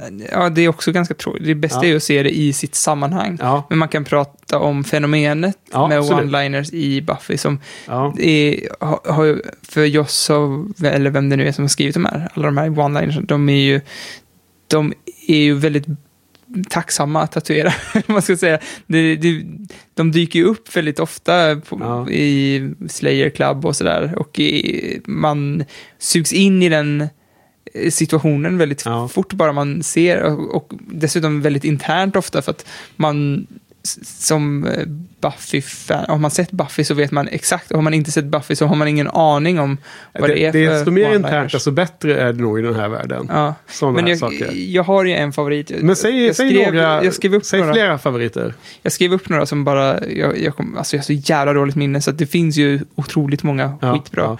Men eftersom vi precis såg eh, säsong sju så en one-liner som, som är på gränsen till dålig är ju Now I'm pissed. Where is he?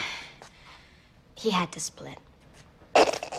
Men, är den rolig för på egna ben eller är den mest rolig för att det är eh, en Arnold-citat ifrån filmen The Running Man? jag har ju inte, eh, jag, jag visste inte det förrän du sa det så att Okej, jag men tyckte, du, så jag tycker det var roligt också. ja men det, hela den här grejen som Buffy är så bra på det är ju att eh, ta så här over the top Ja men hela bazooka-grejen, att man plockar ner allvarliga situationer på jorden. Och det här med Caleb, det nästan bästa i den scenen är ju inte riktigt att hon säger det, den kommentaren, utan det är ju ljudeffekten när man hör att kroppen, hans splittade kropp faller ju ner till marken och man hör ljudet hur de olika delarna landar lite olika. Ja, Det är, så det, det är två ljud, två så här... då har jag missat det bästa i Spla- hela den scenen. Ja, enkelt. alltså det, jag tycker det är så lustigt att de har faktiskt bemödat sig att göra så man hör att, att de landar bara I stereo också eller? en liten fragment av en, en sekund efter. En karaktär som du är favorit hos dig är ju Cordelia. Ja, Kan du... layers. Can't I have la- layers eller hon säger i säsong ett där. Bara det är ju eh, Ja. ett citat som vi har använt ofta i Ja. podden. Och i, och i privatlivet också. Tycker jag, man, man, man säger det ganska ofta nu för tiden. Ja. Vi pratar om layers. Folk fattar ingenting, men de, de, de som vet, de vet liksom. Ja, ja men exakt. Det är det som är så härligt. Ja. Man, man känner sig att man är inne i den här klubben. Ja. Nu, nu är man där. Och Liksom. jag, jag såg på Facebook idag ett eh, längre citat från Angel-serien när, en, när eh, Wesley och, eh, vad heter han, Gunn håller på och pratar om Wesley jämför Cordelia med en onion. Och då hänvisar de ju till den där eh, dialogen från säsong ett av Buffy med hennes layers. Och det är så himla roligt. Ja. Men, eh, och jag såg också att eh, Frauke som arrangerade Slayer Club, hon svidade ju om sen till Cordelia. Ja, på festen ja. Ja, Till den här, vad blir det? Leopard. Leopard eh, bodyn. ja. Och jag såg på Instagram att hon la upp den där Ja. och skrev Look, Buffy, you may be hot stuff when it comes to demonology or whatever, but when it comes to dating, I'm the slayer. klassiskt Cordelia-citat. Och vilken jäkla bitch hon var i början. Det är så himla underbart. Jag menar, det var också kul på, på Slayer Club-festen att när vi tittar på de här clipsen då, då så vi bett varje eh, paneldeltagare välja ut en favoritscen. Och då var de här äl- äldre clipsen var ju så himla mysiga att se för att otroligt nostalgiskt. Och även när vi såg eh, Saras scen från säsong fyra så lade jag märke till att Willow var så himla mycket roligare i sitt kroppsspråk. För det är ju precis från Hush där de inte ens pratar. Så det är verkligen kroppsspråket. Det är den här scenen vi såg då på festen när, när de är i föreläsningssalen och Mr. Dice visar stenciler. Eh, och jag bara tänker att på något sätt så hade Willow har blivit mer tråkig mot slutet av serien. På något sätt. Hon har blivit viktigare och mer powerful och mer kanske egen som person, men hon har, blivit, alltså, eller hon har, blivit, hon har vuxit upp som person, som karaktär. Men hon har förlorat en hel del av det som gjorde henne som mest charmig i början. Ja, men det tycker jag är sant med, även med... Eh, Anja. ja, exakt. Ja, var det det? Ja, för... Och för, Buffy. Ja, jag tycker att eh, det är coolt att man kan ta en karaktär som i princip är liksom en comic relief och ge den sån tyngd att det blir main love interest av en huvudkaraktär som i Sander i det här fallet. Ja. Men de borde gjort, de gjorde, alltså det är inte mycket mer som krävs. De kunde lagt lite mer kraft på att eh, utveckla Anja. När, när de ändå ska ta i så, så kan de ta i bara lite till så att hennes karaktär makear mer sens, eller vad man ska säga. För att Men, vad, ja. mycket, vad mycket nitpicks, lite för mycket nitpicks man kunde ta, ta på Anja där på slutet. Som comic relief funkar det, men om hon ska ha den tyngden som hon har, då, Ja. då behöver de lägga mer grundarbete. Alltså det, hela, hela den här eh, grejen när man får se henne i, liksom i fornordisk eh, Mm. eh, setting. Den funkar jättebra om hon hade varit fortsatt vara comic relief, men det skulle ju vara hennes backstory för att ge henne tyngd i relationen till Sander och allt där. Att, Ja, men jag vet att du har, du har ju pratat om det här många gånger. Ja. Och, så att det känns igen den här tanken. Och jag, jag är inte, för mig är inte det det stora problemet med Anjas. Även om jag håller helt med det du säger nu också. Så det, det som, Mm. Men vad jag tänker på, för du kommer ihåg scenen från Hush. Som vi såg nu på festen här sistens. Mm. Bara när hon sitter där med sin popcornskål och tittar på Mr. Giles när han förklarar vad det är som händer med The Gentleman. Mm. Hon gör så himla många roliga miner och rörelser med kroppsspråket som man, hon förklarar exakt hur hon tänker och tycker i situationen. Precis som Willow gör. ja. Jag kan inte komma ihåg att hon som skådespelerska har fått använda det, den typen av skådespeleri alls i säsong 7. Trots att hon är en mycket viktigare, större roll. Ja, men jag tror att det har lite med det att göra, som jag pratade om också, att, att om, man ska, om man ska ge henne den tyngden så behöver hon ha ett eh, rikare, en rikare personlighet och inte vara, fortsätta vara så one-note. För, för, För, för, för att eh, som comic relief hade hon nästan mer layers än vad hon hade som en, en Ja, eh, och det, det, det, credits. det, är liksom. det som är så konstigt. För att det, känns som att hon dör lite, inte när hon blir huggen i sista avsnittet Chosen. Hon dör lite när hon blir demon och sen när hon kommer tillbaka så är hon inte samma längre. Nej, nej, för att För, att- för att den, den Anja som käbblar med Mr. Giles om pengarna i The Magic Box och så. Vi får aldrig se den igen. Nej, Efter hon har kommit tillbaka Nej. från att vara demon. nej, det är sant.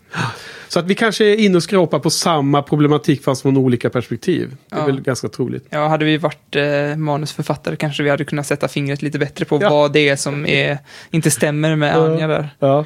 ja, har några andra, det var ju kul övning det här. Har du några andra citat som vi kan dra iväg? Ja, men eh, mitt, mitt favoritcitat, det som vinner Ja. eh, våran Oscar för bästa citat. Ja. Jag, jag bara säger, du är med på det här tåget. ja, jag är med. Men eh, jag talar oss för oss båda nu när jag säger Okej. att det är Spike när han eh, står och spionerar på Buffy.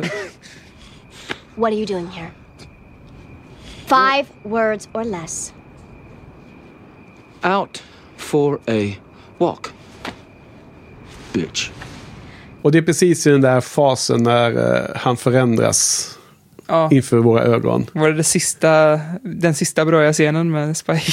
Ja, igen så är jag inte helt överens om att han blir sämre, men han blir så annorlunda, det är helt klart. Eh, ja, det är mycket intressant. Ja, Vi är överens om att det är bästa Ja, one-linern i alla fall. nej, vi gillar den stenen. Vi sa ju det här nu, att vi inte skulle spendera hela den här sista Tror- avsnittet och prata sa, jag om... trodde du skulle säga, vi sa ju att vi inte skulle gråta. nej, nej, precis. Jag ska inte börja gråta ännu, men att vi inte bara skulle dra massor med topplistor. Men jag har faktiskt på Sofias önskan Mm. på, kommentar, på kommentarerna på vår hemsida gjort en liten lista om de fem bästa monstren. De är inte rangordnade utan det är bara fem monster. Sen har jag på Johans önskemål gjort en topplista av bästa avsnitt. Är det intressant eller? Min åsikt. Eh, Subjektivt. mm, Ska vi ta en kisspaus? Det kan vi göra, men är det, är det kul att prata om det eller? Ja, Tror du, tror du lyssnarna vill höra en topplista av avsnitten? jag tror att en lyssnare vill höra. Ja, minst. Och sen har jag också en tredje här av, inom samma. Det är att jag har en lista på tio jättebra scener. De är inte heller rangordnade. Får, får vi dra den då? Ja. Okej, då tar vi en paus nu. Så där, nu har vi varit och kissat lite. Åh, men jag tycker det är lite kul med de här eh, utmaningarna. Sofia frågar ju eh, efter bra monster från serien. Eh, nu är det inte Big Bads egentligen vi pratar Nej. om, utan Jag tänkte direkt på Dracula va? ja, Dracula är ju med. jag, jag gillar ju Dracula. Just det. Och för, för, för mig, du var ju ganska osugen på, han tyckte att han Ja. spelade över eller Ja, dåligt. nej, jag gillar inte honom. Nej. Men av fem som jag skulle tänka på så var ju Dracula en faktiskt. Ja. Sen så gillar jag ju Kinderstod från den här Killed by Death. Det här barnsjukhus, nej sjukhuset med barn. Mm. Och det här, eh, kommer du ihåg Kinderstod som, som ser ut som Freddy Krueger? mm. Gick utanför Buffys. Han var ju featured i Slay Club-quizet också. Just det, han var med bland en av de monstren va? Man skulle identifiera. Ehm, jag, jag, jag tyckte det var en av de, eh, en av de mest scary eh, faktiskt. Det är ju få avsnitt som är jättescary, men det var, tyckte jag var. Sen så måste man ha med Zachary Kralik. Mm. Kralik, Hjälplös. Han som står och vrålar där inne i, i sin kista. Ja. Han är i och för sig vampyr och, och det kunde vara en egen lista med favoritvampyrer. Men eh, nu är det monster. Så Dracula har vi sagt då i Dracula vs. Buffy vs. Dracula. Sen så måste jag säga att eh, monster eller eh, demoner eh, Sweet i Once More With Feeling tyckte jag var störtskön. Gillar du honom? Jag gillar inte honom så mycket, men jag, alltså, om man är rent eh, musikmässigt så tyckte jag att han sjöng så här i- re- jäkligt eh, viskigt liksom. Men Mm. så här på efterhand tycker jag nästan att han har intressantast eh, sångröst på något sätt. Ja, nu kommer jag inte ihåg i all hast hela hans backstory, men alltså Joss, jag tror att han är typ en musikalartist eller något liknande om han inte ens är musiker och Joss gillar honom och vill ha med honom bara för det skälet Ja. liksom. Ja, men han väste fram eh, si- sin, eh, sina Ja, ja, rader där. han var lite solig i sin framtoning. Mm. Och sen den femte då, som jag tror att du när jag säger det kommer du känna igen det jättetydligt, för det är ganska nyligen då, det är från säsong sju ju. Ja. Det är ju Gnarlen såklart, som, Ja. som mumsar på Willows mage. Det tycker jag. ja, den är äcklig. Den är bra, monster. Har du några monster jag, som du direkt känner att jag har missat? Um, ett monster som jag tänkte på som aldrig... Som jag, jag, eh, du vet när Willow... eh, i- inte Willow. Dawn eh, ser Joyce. Så sitter ett monster över Joyce. Alltså i- oklart vad det är för monster, men den är ju bland de läskigaste scenerna. Den är äcklig också. Ja. Den är bra. Men är, är det The First som sitter där över henne?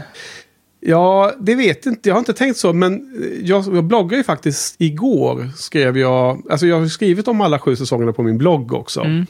Kortare sammanfattning eftersom vi har pratat om något till förbannelse i podden. Men då la man ju med viktiga bilder från säsongen som man vill liksom ha med som representerar. Då har jag ju den bilden. Det finns på nätet att hitta. De har freeze-framat precis när man ser monstret. Ja. Han har på sig en dräkt för övrigt. Han sitter ju på huk över hennes döda kropp. Och sen så har han på sig en någon konstig bodydräkt som också har en extra arm som är helt förvrängd upp över ryggen. Så Oj. det ser ju extra liksom äckligt ut för att han, är, han ser onaturlig ut också. Så får man bara se den här blink, den här flash liksom. ja. Den här, eh, Att det skulle, ja. den här utomjordingsmonstret är också ganska läskigt. när han kryper runt i taket där och också hänger över Joyce när hon är mentalsjuk. När hon, är, När hon är sjuk i blivit, huvudet. lite ga, blivit sjuk i huvudet där ja. Hon har fått sin cloud i huvudet ja, innan operationen. Ja. Just det, vad hette det monstret? Men det, ja, det är också bra. Båda de är ju faktiskt, det är lite så här Stranger Things-monster. Ja. Nivå på de här, båda. Faktiskt, ja. För att den där eh, utomjordingen eh, som framkallad av Ben för övrigt, va? för att man ska Ja, dölja att eh, Glory har eh, gjort folk mentalsjuka. Eh, den var ju lite fånig i första skedet tror jag. Eller var det sista skedet när de väl fightades mot den så var den inte lika bra längre. Ja, ja, då var den jättefånig. Ja, precis. Som alltid då. Men när den bara var liksom ett hot och man såg den bara skymta förbi och Ja. så snabbt såg upp i taket, då var den ganska effektfull. Ja, när, Fasen, vad hette den nu egentligen? Ja, det var ju riktigt bra ja. ja, men när, ja, när Joyce var mådde då- dåligt och Mm. den kröp och hon liksom hade halluc- hallucinationer redan. Så, så att, Bra effekt, bra scen. Ja. Stackars Joyce. Ja, Det verkligen. var himla... Men snabbt fick du fram två stycken som övertrumfade flera av mina här. De ska absolut vara med på topp fem, känner jag. Är det några fler sådana du har i bakfickan? Eh, nu kommer jag inte på Nej. något mer, tror jag. Nej. The Gentleman kanske man skulle nämna egentligen, eller? Som eh, Ja. herr Johan var utklädd som i, på Slayer Club. Ja, vi var många gentlemans där. Ja, på Fast det var ju ändå bäst. Alltså, du har gjort en badass... Asch. Eh, vad heter det? Vi får lägga upp lite bilder från heter Club det här? i blogginlägget också. Maskering, eller? Jag hade Sminkning. silikon, heter det inte va? Silikon? Nej, Ja. heter det ja. Det kan det vara. Så jag är, jag är helt borta nu. Jag, Mm. ja, jag hade mm, olika grejer i ansiktet. Ja. Vi, vi spelar ju inte in något... Eh, vi spelar in paneler men vi kommer inte använda något av det på den här podden nu då. Det var Nej. lite om vi funderade på om vi skulle gjort det. Då. Jag tror du pratade om det förra gången också. Men det känns inte som att det blir bra. Kanske lägga upp Vi ett litet upp klipp. bilder. Ja, bilder lägger vi upp definitivt. Ja. Och kanske något litet klipp Från... från festen. Från en viss panel kanske. Ja, just det. Du spelade in det med eh, mobilkameran, ja, när Ja. jag hade panelen där. Eh, det, ja, om du hittar någon bra Ant, sekvens. anti, ja, antingen en liten sekvens eller 47 minuter kanske inte. Så. Mm. Nej, inte kul. hela. Jag vet inte, skulle vi lägga den på YouTube då och sen länka till det? Eller kan man Ja. lägga den på, på hemsidan på något sätt? Eller? Vi kan göra både och. Ja, okej. Ja, eh, men vi får väl vända på frågan till Sofia. Skriv gärna in i kommentarerna vilka som är dina favoritmonster från serien. Ja, inte bara Sofia, det var kul att se Alla. allas... eh, Alla får göra det. ja, du, eh, är du sugen på lite bra scener då? Ja, för att jag har faktiskt skrivit upp eh, också bra, scener. Har du det? Ja. För det var ju så kul, för att det var ju någon gång när vi satt och pratade med någon, om det var, jag kommer inte ihåg vilken gäst det var, men vi kommenterade det, eller om vi gjorde det här off uh, mic någon gång, att egentligen så är det kanske inte är toppavsnitt, alltså så här, lista avsnitten som är det mest eh, den bästa listan, utan det är egentligen scener som är bättre. Ja. Det är scener som blir, som sticker ut i minnet allra bäst från Buffy-serien. Ja, det är ot- otroligt sant i just Buffy. Det finns många avsnitt som är otroligt bra i vissa delar och sen ganska svaga i andra delar. Mm. Eller hur? Precis som säsongerna kan vara. Så man kan skala det här upp och ner i olika eh, perspektiv. Så vad kul att du också har bra scener. Hur, hur eh, gör vi nu då? Jag har, jag har utan att rangordna dem bara tittat igenom eh, säsongerna, favoritavsnitten, eh, tittat igenom listan du vet på listning av bara alla avsnitt och sen så har det poppat upp tio scener och då tyckte jag bara att nu skriver jag ner dem här. Ja, ska vi ta varannan? Hur många har du då? Eh, fyra. Fyra. Ja. Då är det den här scenen som Elin hade med på um, The Slay Club. Den här I, I don't wanna die-scenen i Proxy Girl. Hela den eh, dialogen. Det är ju, jag får ju alltid tårar i ögonen när jag ser den. Ja, det är ju... Jag kanske har med mer roliga, roliga scener. Ja. Det är absolut bland det bästa, det håller jag med om. Eh, Du, jag har bara... Jag har bara... Men vänta du. Jag har alltså bara dramatiska scener.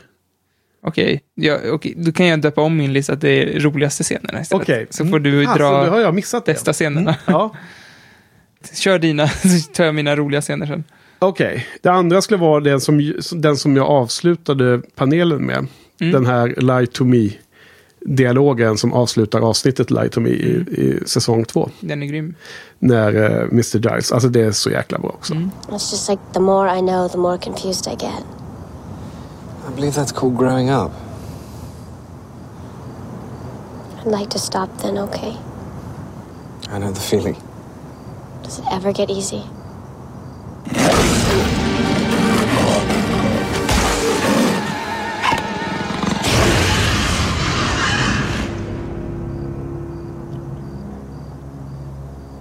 You mean life? Yeah. Does it get easy?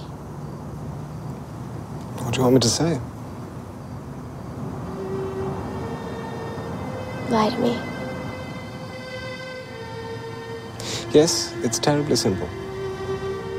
The good guys are always stalwart and true. The bad guys are easily distinguished by their pointy horns or black hats. And uh, we always defeat them and save the day. No one ever dies, and everybody lives happily ever after.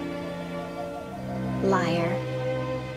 Nu hoppas jag inte att jag kommer säga på alla avsnitt att jag kommer att vara tårögd på dem. Men det här, de här två första är faktiskt så. Mm. Sen den tredje jag tar med är ju från Passion. Eh, när Mr Giles finner Jenny död på sin säng. När han går upp för trappan hemma. Och det är den här otroligt bra operan. Vilken, vilken nu är. Eh, har jag inte i huvudet. Eh, av säsong 2, avsnitt 17, Passion. Det är ju, en, det är ju nästan hela seriens bästa scen skulle jag säga. Faktiskt. Ehm, är du med? Ja, jag nickar. Det ska man inte göra i podcast. Det är det. Den fjärde som är med är i säsong 3, avsnitt 6, The Wish. När eh, i den alternativa världen när Sunnydale eh, eh, styrs av vampyrer. För Mm. Buffy, har, Buffy har inte funnits. Hon, hon dyker ju upp där från Cleveland och så då håller de på att fightas. Och i slutet så dödar ju The Master Buffy genom att stå bakom henne och eh, vrida nacken av henne. Ja. Den scenen tycker jag är otroligt stark. Ja, ja, men där... Skiljer vi oss. Där skiljer vi oss, ja. Eftersom det är en parallell värld så, bry, så, så känner du inte alls samma Nej. starka känslor där va? Nej. Och det, det tror jag nog att det är en vattendelare. Att vissa tänker som du, vissa tänker som jag, tror jag. Ja. Ehm, utan att ha gjort någon eh, som undersökning. Men ju- för mig är det rysningar nästan på den scenen. Att man ser liksom det här what if-läget. Ja. Mm. Sen är det då eh, i slutet på eh, säsong 3, The Prom, Class Protector-talet. En otrolig scen. Och speciellt om man adderar där när hon kommer in i salen och hennes blick till Mr. Giles och hans svar. Bara helt ljudlöst när de ser på varandra. Just det, du sa, pratar om när vi pratar om det Ja, avsnittet. det också, pratade om när vi såg. När vi såg. Den, den tycker jag är väldigt bra. Eh, nästa då. Då är vi framme i säsong 5 redan. Jag fick inte med någon, någon scen som poppar ut sådär från fyran.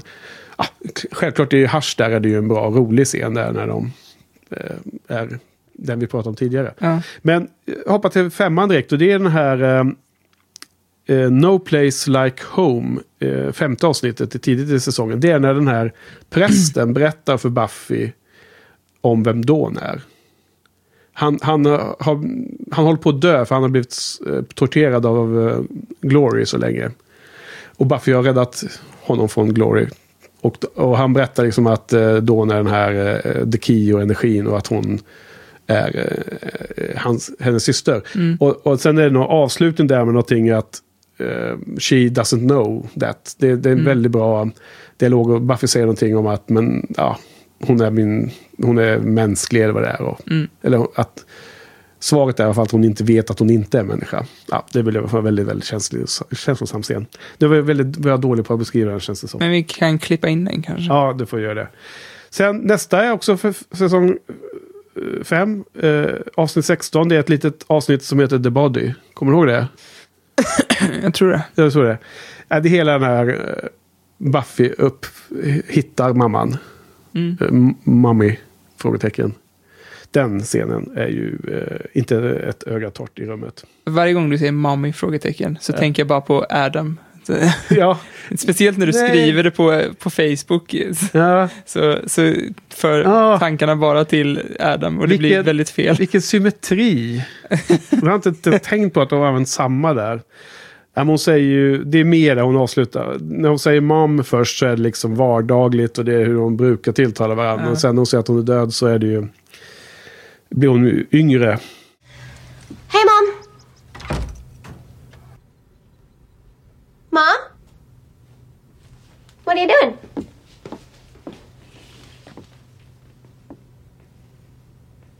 Mom? Mom? Mommy? Ja, Väldigt usch. tufft. usch. Eh, nästa är två se- eh, scener från säsong 6. Normal Again, avsnitt 17, när Buffy säger goodbye till Joyce när hon är på sinnessjukhuset innan hon kommer tillbaka till Sunnydale. Otrolig scen. Och sen är det då eh, ofantligt bra scener där Willow säger bored now och flår Warren. Bored now. fantastisk scen.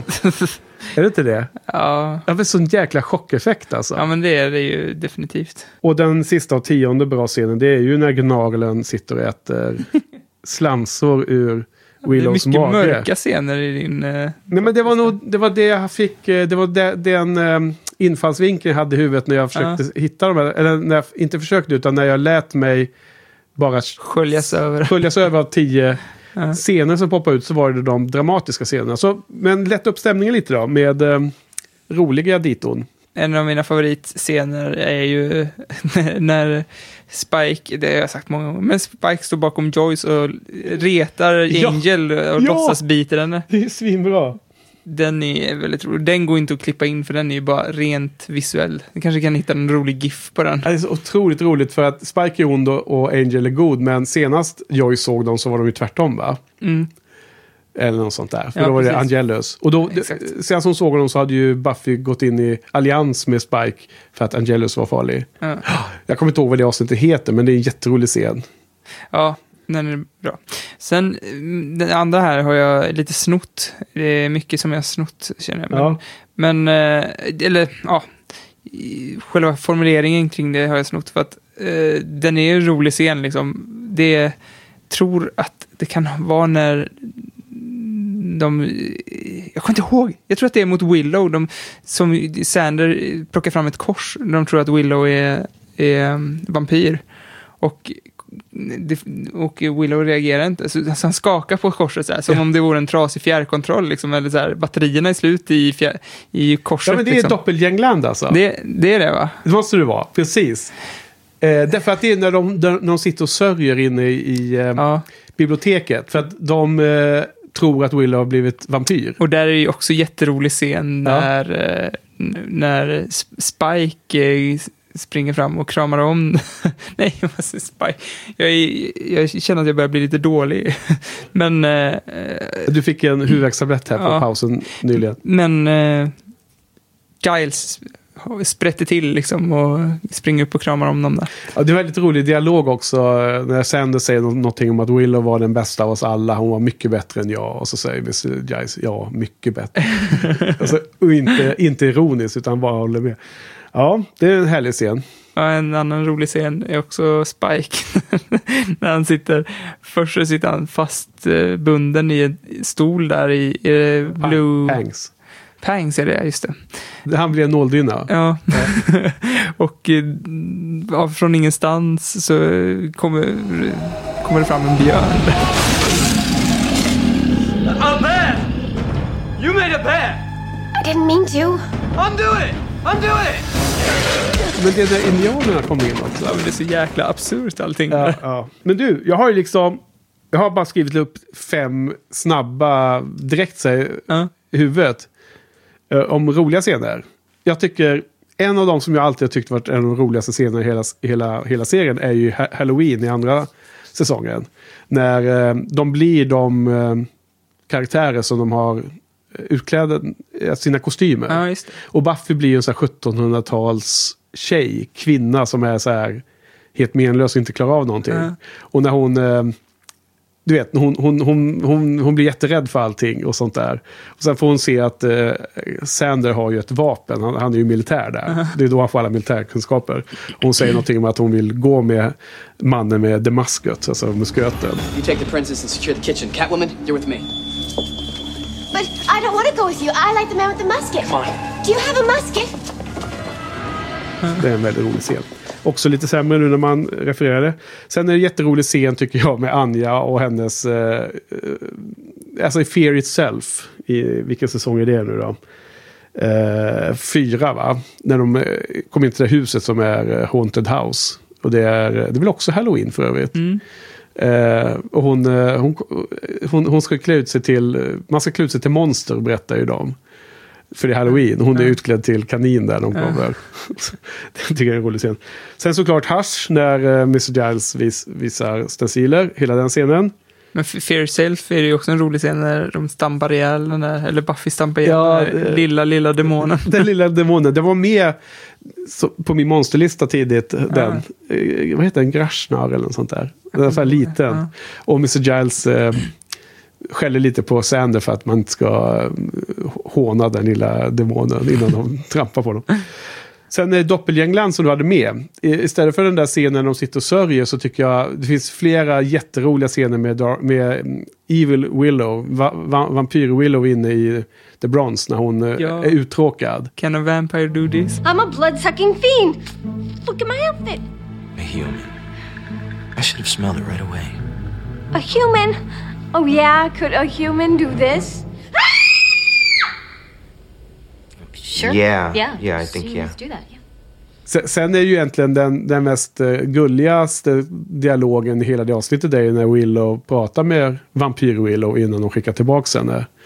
Någonting om att det är tråkigt det här. Och de, de, de finner varandra. Willow låter ju henne leva där, konstigt nog då. Hon finner ju någon resonans i sig själv. Ja, där. det är ju... Och sen sista som jag bara tog väldigt snabbt hitta på här nu är ju Randy Giles. I'm uh, called Rupert Giles. Rupert. Rupert. You're not too old to put across my knee, you know, Sonny. Anyway, what did I call you? Um. Made with care for Randy. Randy Giles? Why not just call me Horny Giles or Desperate for a Shag Giles? I knew there was a reason I hated you. Randy's uh, family name, undoubtedly. Han har ju en förklädnad att han inte ska bli hittad av den där lone, lone Shark. Och då så, så hittar ju, står det ju någonting Randy Giles i hans kavaj där. Så jag vet inte riktigt hur de fick ihop det där. Men, Nej, det är men jätterolig scen. hette väl Randy och eh, han, han, han, eftersom han pratar eh, engelska så tro, trodde han att han var släkt med Mr. Giles. Eller? var det inte Ja, något sånt? det var något sånt. Det var ju så himla roligt när han Mr. Giles son. trodde att han... han har en massa andra förslag på eh, synonymer till Randy där. Ja, det var en del roliga scener. Vad heter det? Ja, men jag har gjort en topplista här på avsnitt. Ska vi... Jag misstänker att det finns lyssnare som skulle vara lite sugen på att höra det ändå. Eh, Nördiga Die Hard-fans. har du gjort en topp 20? Nej, men jag gjorde en topp 10 som blev topp 11. Det kanske är rimligt. topp 11? Ja. Ja. Jag har kollat igenom de jag gillade mest ifrån de olika säsongerna. Och sen har jag tittat på vilka av de här vill jag verkligen ha med på en topplista. Alltså jag krafsade ju ner en topp 5-lista åtminstone. Ja. Men, men topp 20, topp Nej, men 20 topp- det pallar är, det är topp 10 jag har här. Ja. Men det är det här jag skulle säga att det är så lustigt att både säsong 4 och säsong 6 sticker ut med väldigt många eh, enskilt bra avsnitt. Ja, ja, men precis. Som skiljer sig från eh, liksom den generella säsongsrankingen. Ja, exakt. Och, och, och det kan nog vara så att eh, rankingen av avsnitt skiljer sig från om man ska plocka ut scener från som man gillar också. Ja, det är också liksom en annan dimension där. Så det, det är väldigt spännande det här med att en, en säsong är en säsong och där är liksom Big Bad och Story Arc ganska viktigt parameter. Men om man ska börja dissekera bästa avsnitt då fyran står sig väldigt starkt Ja. plötsligt. Men kan inte du dra din topp fem då först? Jag tror det är enklare om man, man, man drar varsin lista istället för varannat. Det blir för rörigt. Mm. Ska vi ta den lite snabbt då Ja. kanske? För vi kommer ju ta din säkert lite snabbt också. Vi är så många. Men eh, ska vi börja uppifrån eller nerifrån? Ja, men börja underifrån då. Ja. Det är väl ändå lite mer dramatik att stega upp. Jag var ju väldigt förtjust i Who Are You när de byter roller där, eh, Buffy och eh, Faith. Faith. ja. Och eh, många härliga scener där Buffy står framför spegeln och säger “because it's wrong” Ja. på olika sätt. Det är roligt. Sen finns det en härlig, alltså fighting-scenerna är ju inte alltid top notch i den här serien. Men den här tyckte jag var rätt coolt för det påminner lite om, om eh, den här eh, Kingsman, eh, om man har sett Kingsman. Ja, Så finns en scen i en kyrka där han går berserk. ja. Och det är lite samma, samma stuk där massa, samlas massa vampyrer i en kyrka. Där man bara, Det är den Det allra upp. bästa scenen i Kingsman. ja, ja men det är det. Ja. Den är badass. Fa- Faktum är att um, Who Are You är ju uppe och nosar på topp 20 hos mig också, men inte riktigt med på topp 20. Mm. Eh, fi- jag vet inte om det här är i rätt ordning. Men eh, nummer fyra är Once More With Feeling i alla fall. Ja, den är ju bra. Det är ju härligt att höra för att du var ju så här lite tveksam i början och hade ju massor med issues med den. Men så har du den vuxit på dig. Nej, jag tyckte den en var bra från början. Ja. Alltså, jag är nog bara sån som gillar... Alltså, jag märkte ju på Slay Club att folk kom fram och skulle försvara massa saker. Men grejen är att jag älskar ju det mesta med Buffy. Det är Ja. bara så himla mycket lättare att, att prata om saker man inte gillar än saker man gillar. Ja, du, du vill också spela lite djävulens advokat ibland och säga Ja, det lite. är också. Ja. Men, men också att eh, det är Nej, både jag- roligare och lättare Ja. att liksom, snacka skit om någon eller något. För vi avslutar ju, vi hade ju säsongsavslutning för säsong 6 var ju Sara här som gäst. Och då kommenterade hon ju lite våra listor. Då har jag för mig att jag hade ju den som på första plats. Och jag tror att du inte hade den som första plats. Så det var bara det jag menade med att du inte hade en lika så här, högt rankad Ja. då. Det känns som att den kanske har vuxit lite sedan dess för dig. Det var det, det, var det min kommentar kom på. Ja, jag vet inte, alltså själva låtarna tycker jag fortfarande är, de håller inte för sig själva.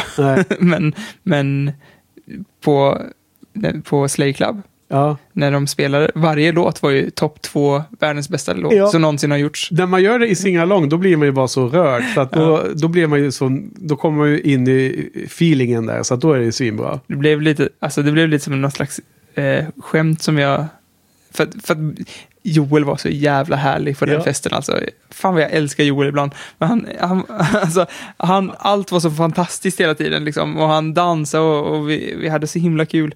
Och eh, varje låt som kom på, det här, det här är den bästa Ja, låten. men varje singalong-låt var jag ju helt så här, liksom, det här är det bästa. Ja, så hela den kvällen och jag bara fortsatte säga att det var liksom allting jag hör eller varje avsnitt jag ser är liksom topp två. det, är så här, det här är topp två. Ja, ja. ja, men det är härligt att höra att du lyfter den. Då. Ja, Ja. Den är ju med på min lista kan man säga. Mm. Och sen eh, Hush tyckte jag var rätt bra. Eh, och eh, The Seppo har jag på nummer två. Eh, Åh, din, eh, din absoluta favorit på andra plats. Ja, det känns ju som att den, den är lite, jag vet inte ifall den egentligen är nummer två, men den är så himla, den känns som en liten dålis. Ja, och du har liksom varit en förkämpe för det, så då får man ju stå upp för det lite. Ja, något sånt. Ja. Även om det är Harald faktiskt var på min sida för en gångs skull. Vad sa du? Harald var på min sida för en gångs Ja. skull när det gäller Deceppo. Ja. Och den är ju också så här ett monster som sätter käppar i hjulen för Sander. Och, ja, när han ska skaffa tje- tjejer. Ja. Men eh, eh, nummer ett, är, tror jag tror att vi har samma nummer ett. För att det här, min, mitt favoritavsnitt, den är säker första plats. Ja, det är ju tveklöst. Och det är inte bara det bästa Buffy-avsnittet, det är jag tror att det är utan tvekan till och med det bästa avsnittet eh, tv som någonsin har gjorts. Och det är The Body. Och det sa jag nog när vi såg The Body också tror Ja, jag. ja det sa du. Så att eh, den... Starka ord chocker. verkligen.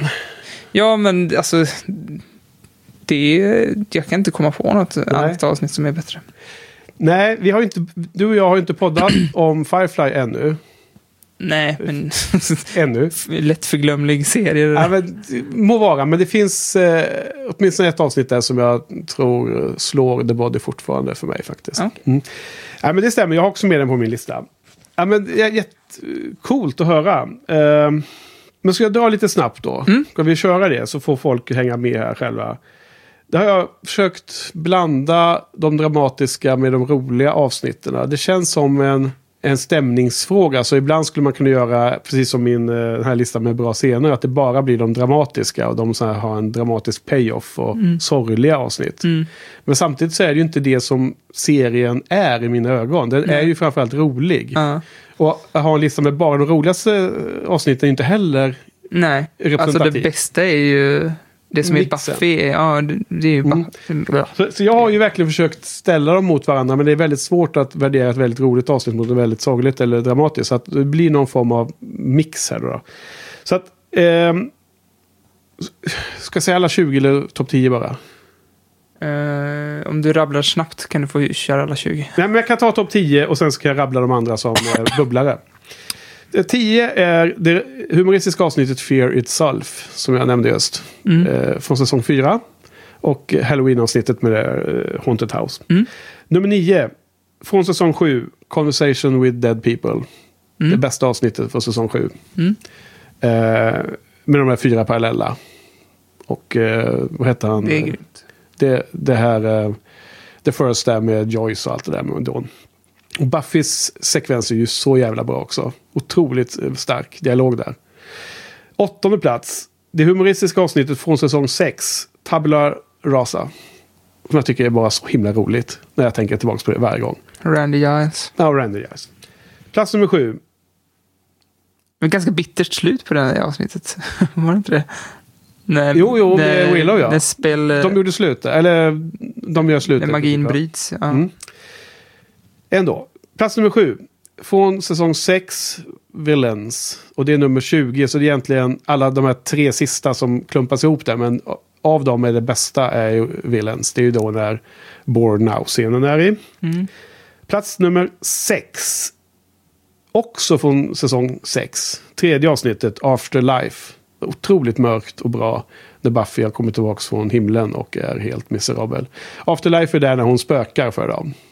Eller den här, vad heter det? Det är den här demonen som blir resultatet av att hon återupplivas, spökar för dem. Du kommer ihåg det? Eh, du vet. Det är väldigt bra. Och det avslutas med att hon berättar för Spike att hon var i himlen. Ja. Plats nummer fem eh, från säsong två, Passion.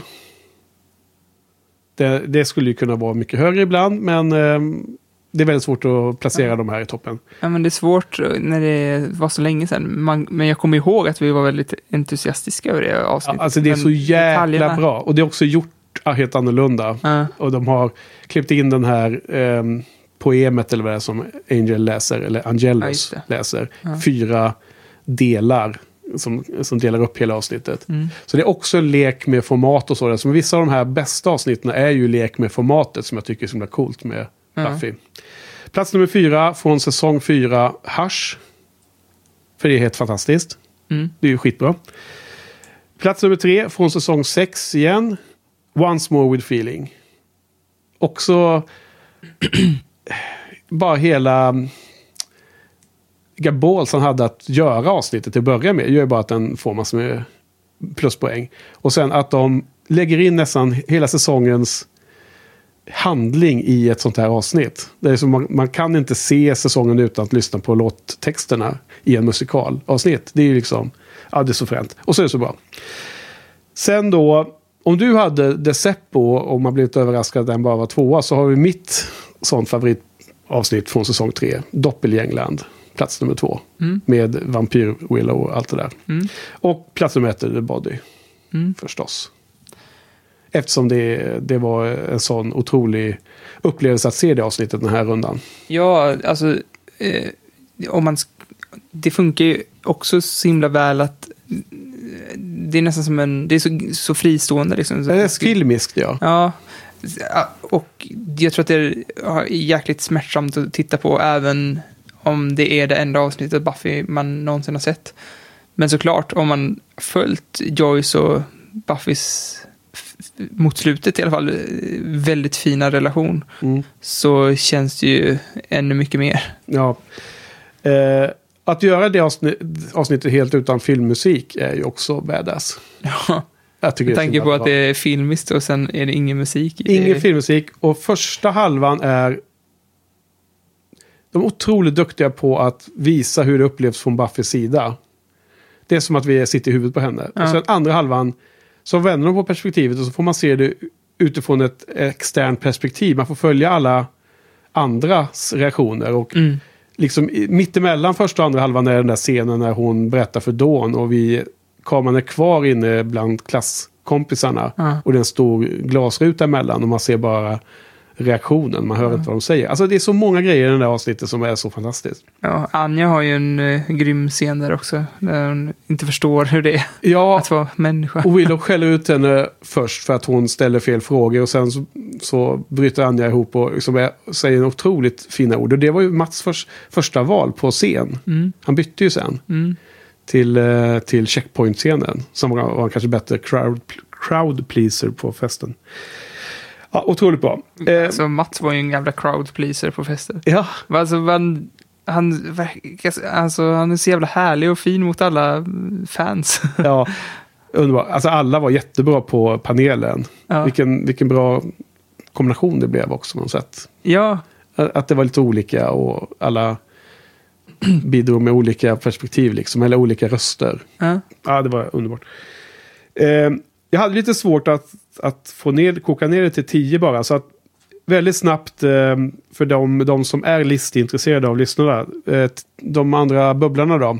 I ordning. Restless. Sista säsong 4. Eh, Prophecy Girl. Sista säsong 1. The Gift. Som jag gillar ändå väldigt mycket. Mm. Kanske mer än dig. Sista säsong 5. Lie to me förstås. Med den bra scenen i slutet. Säsong 2. Mm. Halloween. Otroligt roligt. Säsong 2. Life Serial. Jätteroligt från säsong 6. Med måndag hela veckan-scenen och när hon är, jobbar på bygge och allting. Mm. Eh, Lovers Walk. Det enda avsnittet Spark är med i säsong 3 när han berättar om blodet och kärleken. Med, du vet, han har det där eh, speechet till Angel och Buffy. Mm. Det kommer alltid bråka om Ja. blodet. Då, då, på den tiden Spike var bra. Ja. No Place Like Home. Början av säsong 5. Det är den här otroligt häftigt filmat när Buffy blir rädd för Dawn helt plötsligt i ett avsnitt. Och det börjar liksom bli... Eh, hela bilden börjar bli skev och sådana grejer i vissa Ja, scener. just det. Hon Ja. börjar se saker och ting försvinner, Ja. bilder och annat. Ja, den är läskig alltså. Ja, jättebra avsnitt. Eh, Storyteller från sjuan, Mm. som är roligt. Och sista, Same Time Same Place. Det är ju det här bra säsong tre med Gnalen. Då när Willow kommer tillbaka från England och blir osynlig för hon är så orolig för att de andra ska vara elaka mot henne. Ja. Som slutar med Gnalen. Det är de eh, tio bubblarna. Har vi börjat närma oss här nu? Ja, alltså jag känner att jag blir mer och mer yr.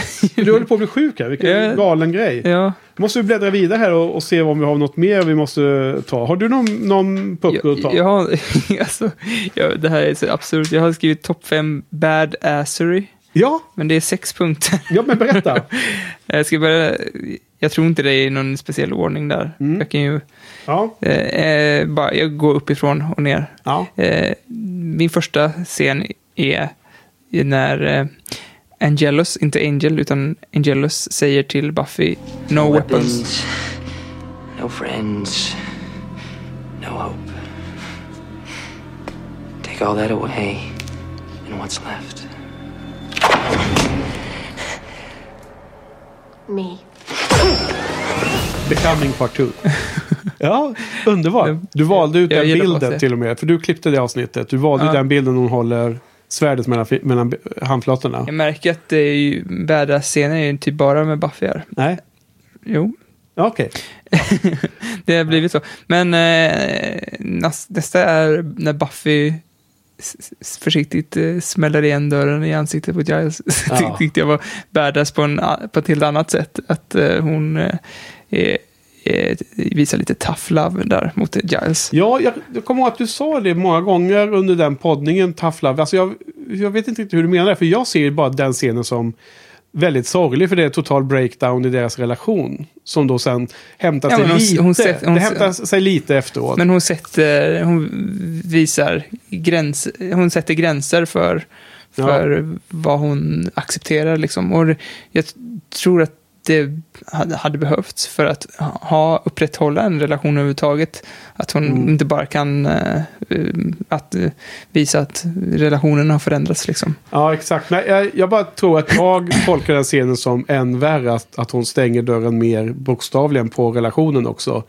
Eh, du tolkar det mer som att hon, hon vårdar relationen genom att sätta en gräns och så vidare. Ja, Jag, jag tolkar det mer som att hon bränner en bro där. Men det är lite olika hur vi ser på den då tror jag.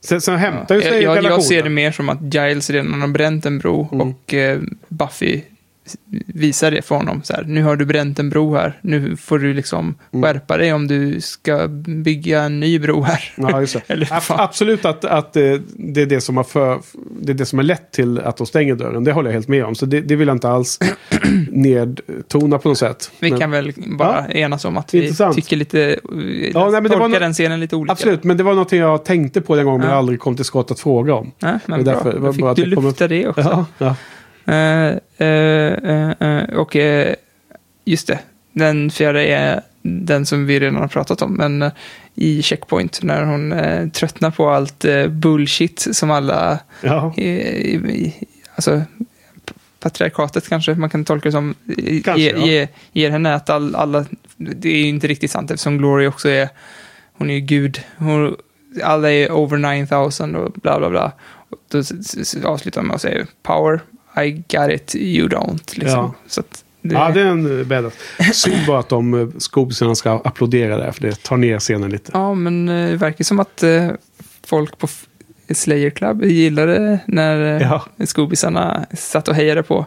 Så att, eh, och jag rycktes med lite i det också. Ja, ja. Tyckte det var, men jag, jag håller också med dig. Jag håller både med dig och... Men det, det intressanta är att det kanske är en viss typ av scener man ska visa för en publik som har fått eh, två groggar innanför västen. Och Ja. en viss typ av scen man ska titta på när man sitter i soffan hemma och Ja. kollar själv. Ja, verkligen. Ja. Den scenen funkar för båda. Alltså, det- funkar för båda precis. Och, eh, men det hade Mats valt ut den ganska väl. där, För att det var verkligen publiken reagerade Ja. positivt. Ja. ja, eh, något mer då? Ja, det är ju när eh, en, en säsongspremiär när Buffy eh, bestämmer sig för att nu vill jag tillbaks till Sunnydale och eh, Ah, det är han den här... eh, och skäran. Ja, han säger typ eh, Who are you? Och så ska alla ha uppmanats att säga No one. Men när han kommer till Buffy Who are you? I'm Buffy, the vampire slayer, and you are? Ja, den jag? Det är också näst, det är på gränsen till en one-liner där. För att Ja. det, ja, den är... Men också på gränsen till cheesy. Men det är de som är på gränsen till cheesy som är nästan bäst i Ja, den serien. verkligen. Är det inte så? Absolut. Och jag önskar att det fanns ett sånt ögonblick tidigare i den säsongen med vardagsbänken. Ja, För säkert. där hade hon behövt säga I'm Buffy Mm. eh, och sen var lite badass lite tidigare. Jag trodde nog att den depressionen skulle gå över snabbare. För att man vill ju inte se verkligheten som du sa. Man vill ju se en förhöjd version av verkligheten Ja. där depressionerna går snabbt. Ja, ja, precis. Så är det ja, i fantasyvärlden. Sen den sista punkten jag har, det är ju The Judge säger No mortal weapon can kill me. Och eh, Buffy säger That was then, this is now och drar fram en bazooka och Ja. blåser huvudet av honom, eller blåser kroppen i Ja, tusen det, bitar. det är så lustigt för att du återkommer till den här scenen jätteofta. Ja. Eh, men, Ja, men- Och jag tyckte den var liksom, den är så himla kass tycker jag. Ja, men den är lite symbolisk på något sätt för vad Ja. Bu- Buffy är för någonting. Ja. ja, det är lustigt att den har satt sig fast så. Ja, Nej, men bra, bra lista. Eh, det var en vinkling som jag inte alls har tänkt på. Eh, vad har de mer här nu då? Ah, lite olika favoritkaraktärer. Det kanske är överflödigt att diskutera. Vi har redan... Jag har faktiskt skrivit upp min favoritkaraktär här. Jaha, Ska oj, se ifall jag hittar den. kul. Alltså du, av de goda då? Ja, Mm. ja eh, bäst karaktär här, Buffy står det. Ja, Buffy. Coolast karaktär, jag har också skrivit Buffy. Nej. Jo. Ja. Eh, jag har även skrivit upp mest underskattade karaktär.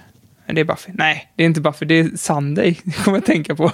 Jag bara kommer att tänka på Sunday. Så Den bara, blonda vampyren. Ja. Ja, otroligt häftig. jag bara kommer att tänka på henne, så bara, vad, vad kan jag klämma in henne i för kategori? Jag vill bara nämna henne. För Ja, jag men, hon, är inte Harmony också ganska underskattad? Ja, hon hade rätt eh, bra scener där mot slutet. Men eh, Sunday var ju tanken att hon skulle ha lite större roll tror jag från början. Att, Var det så? att hon skulle vara en slayer som blev vampyr. Det är därför hon är så oväntat stark och kan eh, spöa Buffy så Det mycket. hade varit jättekul att se henne mer. Varför tog de bort henne? För Ja, jag vet inte, det kanske var, inte passade i Det story arket. det var ju hon och hennes kompisar som hade den där listan på vilken, vilka planscher Ja, studenterna hade på sitt studentrum. Den var den här Gustav Klimts The Kiss som jag hade från mitt studentrum. och den låg tvåa på deras lista. De hade något annat alternativ som fanns också. Ja, det var så roligt. Igenkänningshumorn är som bäst. Ja. Ja, något mer? Eh, Buffy var bäst, eh, coolast. Ja, allt det där. Ja. Mest underskattade par hade jag också. Kan du gissa vilket det är? Mest underskattade par. Ja. Eh, Cordelia och Wesley. Nej, Nej. det är Giles och Joyce. ja. Ben Candy. Ja, just det. Den borde ha varit med på topp 20 också. Ja, just det, det borde du haft. Du var Ja, ju jätteförtjust i den. Usch. Ja. Jag har skrivit upp en eh, Buffys sämsta födelsedag också. ja. Och det, Säsong 1. Ja, jag tog Surprise Innocence, men jag, jag kommer inte ihåg motiveringen där riktigt. Ja, ja, men det är ju när Angel blir Angelus. Ja, just det. Det är ju en jättedålig födelsedag. Ja, ja. Hon, hon, hon förlorar i och för sig oskulden. Det kan ju vara dåligt eller bra. Fast i alla fall Ja. blev det ju dåligt. Ja, precis. Det kan ju snabbt vända. Ja. Från att vara det bästa som hänt till det sämsta som det, Ja. som det blev nu. Mest överskattade quote. The hardest thing in this world is to live in it. Ja, Du är så himla nojig på, på The Gift. Ja, ja, det får du ha för Men, det. men vadå, jag fattar inte riktigt. Jag tror, jag, jag tror att jag inte bara har fattat den. Menar de så här, live in it, menar de typ så här att man ska leva life, att man ska ha det gött? Nej. Eller är det bara att existera? För det är ju inte så himla svårt. Vardagsbänken. Det är ju bara att ligga i en säng och titta upp i taket. Nej, det det inte alls. Hur svårt det är vet det? du själv att det inte är. Det är ju svårt att leva. Ja, om man ska leva life, ja, om man ska vara glad. Det, det är svårt. Alltså, jag tror att den där... Man kan tycka att det är dåligt manus, men det ska tas så helt neutralt. Helt bokstavligt vad hon säger.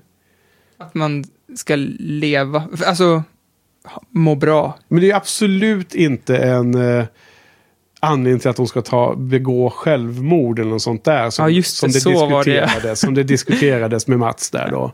Och som olika folk har diskuterat i, på internet och så. Utan det är ju, hon bara säger ju ett eh, farewell speech till sin syster. När hon saved the day. Så blev det lite fel där. Nej, jag, jag, jag tycker den. Jag köper den. Jag, tycker det. jag kan inte motivera det mer än att jag bara tar det för vad hon säger. Och att det är svårt att leva liksom generellt sett. Det ju, kräver ju massor med... Bästa säsongspremiärerna, har du det eller? Nej. Alltså säsongspremiärerna har generellt varit väldigt bra. Mm, men, men, men säg dem då, så säger vi bra eller dåliga här. Ja. Första är ju ett dubbelavsnitt som är Welcome to the He- Hellmouth och The Harvest. Fantastiskt bra, första delen framför allt. Ja. Eh, Och att det är så otroligt att de sätter karaktärerna från första avsnittet. Ja, det det, måste ju kommenteras. Ja. Mm. Har de ju haft en film på sig att misslyckas i först. Jo, men det var det ju fel folk som gjorde det. Ja, absolut. Då har han sett liksom, det här vill jag absolut inte göra i alla fall. Ja. Men eh, andra säsongen, eh, When She Was Bad. Ja, det är ju ganska bra. Det finns ju en scen i den där hon är, skulle vara med på topp 5 badassery. Så att det är Ja. sju punkter på topp 5 där. Eh, det är där det åker in en, en sten, tegelsten genom rutan med en liten lapp på. Du vet. Och Buffy bara fångar den utan att blinka. bara, som inget, ja, det här är helt naturligt. Jag kommer inte ihåg scenen. Vem är det som kastar den då? Ja, men det, ja, det är väl någon hejduk till mm, The Big Bad som vill att... Uh, vad fan, vem är ens Big Bad i säsong I säsong två är det ju Spike, va? Angelus, Spike och Drusilla. Ja, det är väl någon hejduk till Spike som vill Mm. att de... De ska väl återuppliva The Master. Nej, just det, då har inte Spike kommit in än. Nej. De ska återuppliva The Master. Ah, okej. Så det är det som de vill. Ja, jag kommer att det, det, det som kommer att vara, vara bra är att Buffy är liksom ilsken och arg och stöter bort sina kompisar för att skydda dem. Och, Ja, sen, visst. så, och sen så återförenas de i eh, kärleken sen i slutet på avsnittet. Ja, Ja, men det är ganska bra. säsong, säsong tre har ett Ja. bra scen i alla fall. Ja, Topp fem badassery. ja den hade du med. Är det, Det är ni, ja. ja. Ja, men det är också ett, ett avsnitt som jag inte tycker är jätte, jättebra egentligen. Nej, men det finns, men en bra scen det finns, en bra, finns en bra del i det. Ja. Ja. Men då så tycker jag nästan att de där scenerna med hon, den där förvirrade vampyr-wannabeen ifrån Lie to Me, är ännu roligare. Den här tjejen som hon sen byter identitet med, hon som kommer upp där. Hon är ju Ah. med från det där avsnittet när de är vampyr-wannabes. Ja. Och hon är så himla rolig, tycker jag. Mm. Jo, men hon är rolig. Han. Ja, fjärde säsongen då? Eh, det är The Freshman. Ja, Jag gillade ju inte hela den här grejen med att det är ju där Willow, har var- ganska stor del i. Ja, Willow har bytt um, karaktärsdrag lite grann. Men Sunday, hon var ju awesome. Ja, ja, det är det avsnittet ja. Och de fightas där i, i parken mellan, med, med Buffy. Hon får Ja. stryk för första gången. Nästan. Ja, förutom The Master. Ja, okej. Mm. Ja, men det är kul ja. Femte är ju Buffy och versus Dracula. Mm. Jag har gjort ett helt specialavsnitt Ja, om. det tycker jag är bra. Och sen Bargaining, part 1 och 2. Otroligt bra. Fast Eller precis början är det ju mest om Willow och de som håller på att göra den här em, formen för att få upp Bu- Buffy. Mm. Och så är det de här motorcykelgänget Ja. i den. Så okej, det, det är ju ganska bra men det är framförallt bra sen då som jag hade med också det tredje avsnittet när Buffy verkligen kommer tillbaks. Ja, men det är också nice att det märks att de har lite mer en budget nu. Att eh, de kan ju ha den här apokalyptiska känslan i hela Ja, Sunnydale. det, det var lite härligt. Det var lite Road Warrior över det. Ja. Och sen då, när Buffy är precis eh, nyvaknad. eh, För övrigt den, den scenen hon vaknar i, i graven är ju väldigt eh, tung. Ja. Men sen när hon kommer upp så är hon lite så här bear bad Buffy. Hon har lite rufsigt hår och är lite förvirrad. Ja, Liksom. just det. det gör att eh, man tänker direkt på bear bad hela tiden. Det gör att det förtar lite. Ja, kanske. det är Mm. sant. Ja, nej. Säsongspremiären på säsong 7 är Lessons. Vad var det ens? Dawn finds vengeful spirits in the new Sunnydale High School. ja, men det är de, de är nere i källaren där. Ja. Ja, just det. Så är det. Okej. Ja, ja, ja, det var säsongspremiärerna. Du, ehm, det börjar närma sig så jag får börja välja lite här bland mina mm, förberedda Ja. diskussionsämnen här. Men jag har ett som jag skulle vilja ha i alla fall, minst. Ja. Kvar. Och det, det som jag har skrivit upp vilka som är de bästa skådespelarna. För jag tror att det är ganska givet vilka som är favorit. SMG. Ja, ja men alltså, favoriten är ju Mr. Giles och Willow, Cordelia, Buffy. Ja, lite olika så här. Anja. Och, och de, de man inte gillar, det, det tror jag att lyssnarna känner ganska väl efter alla våra diskussioner. Men jag måste säga att jag måste lyfta de bästa skådespelarna. Och sen måste jag diskutera lite om de skådespelarna som jag tycker är svaga och som skulle... Med bättre skådespelarval så skulle eh, karaktärerna blivit mycket mer intressanta.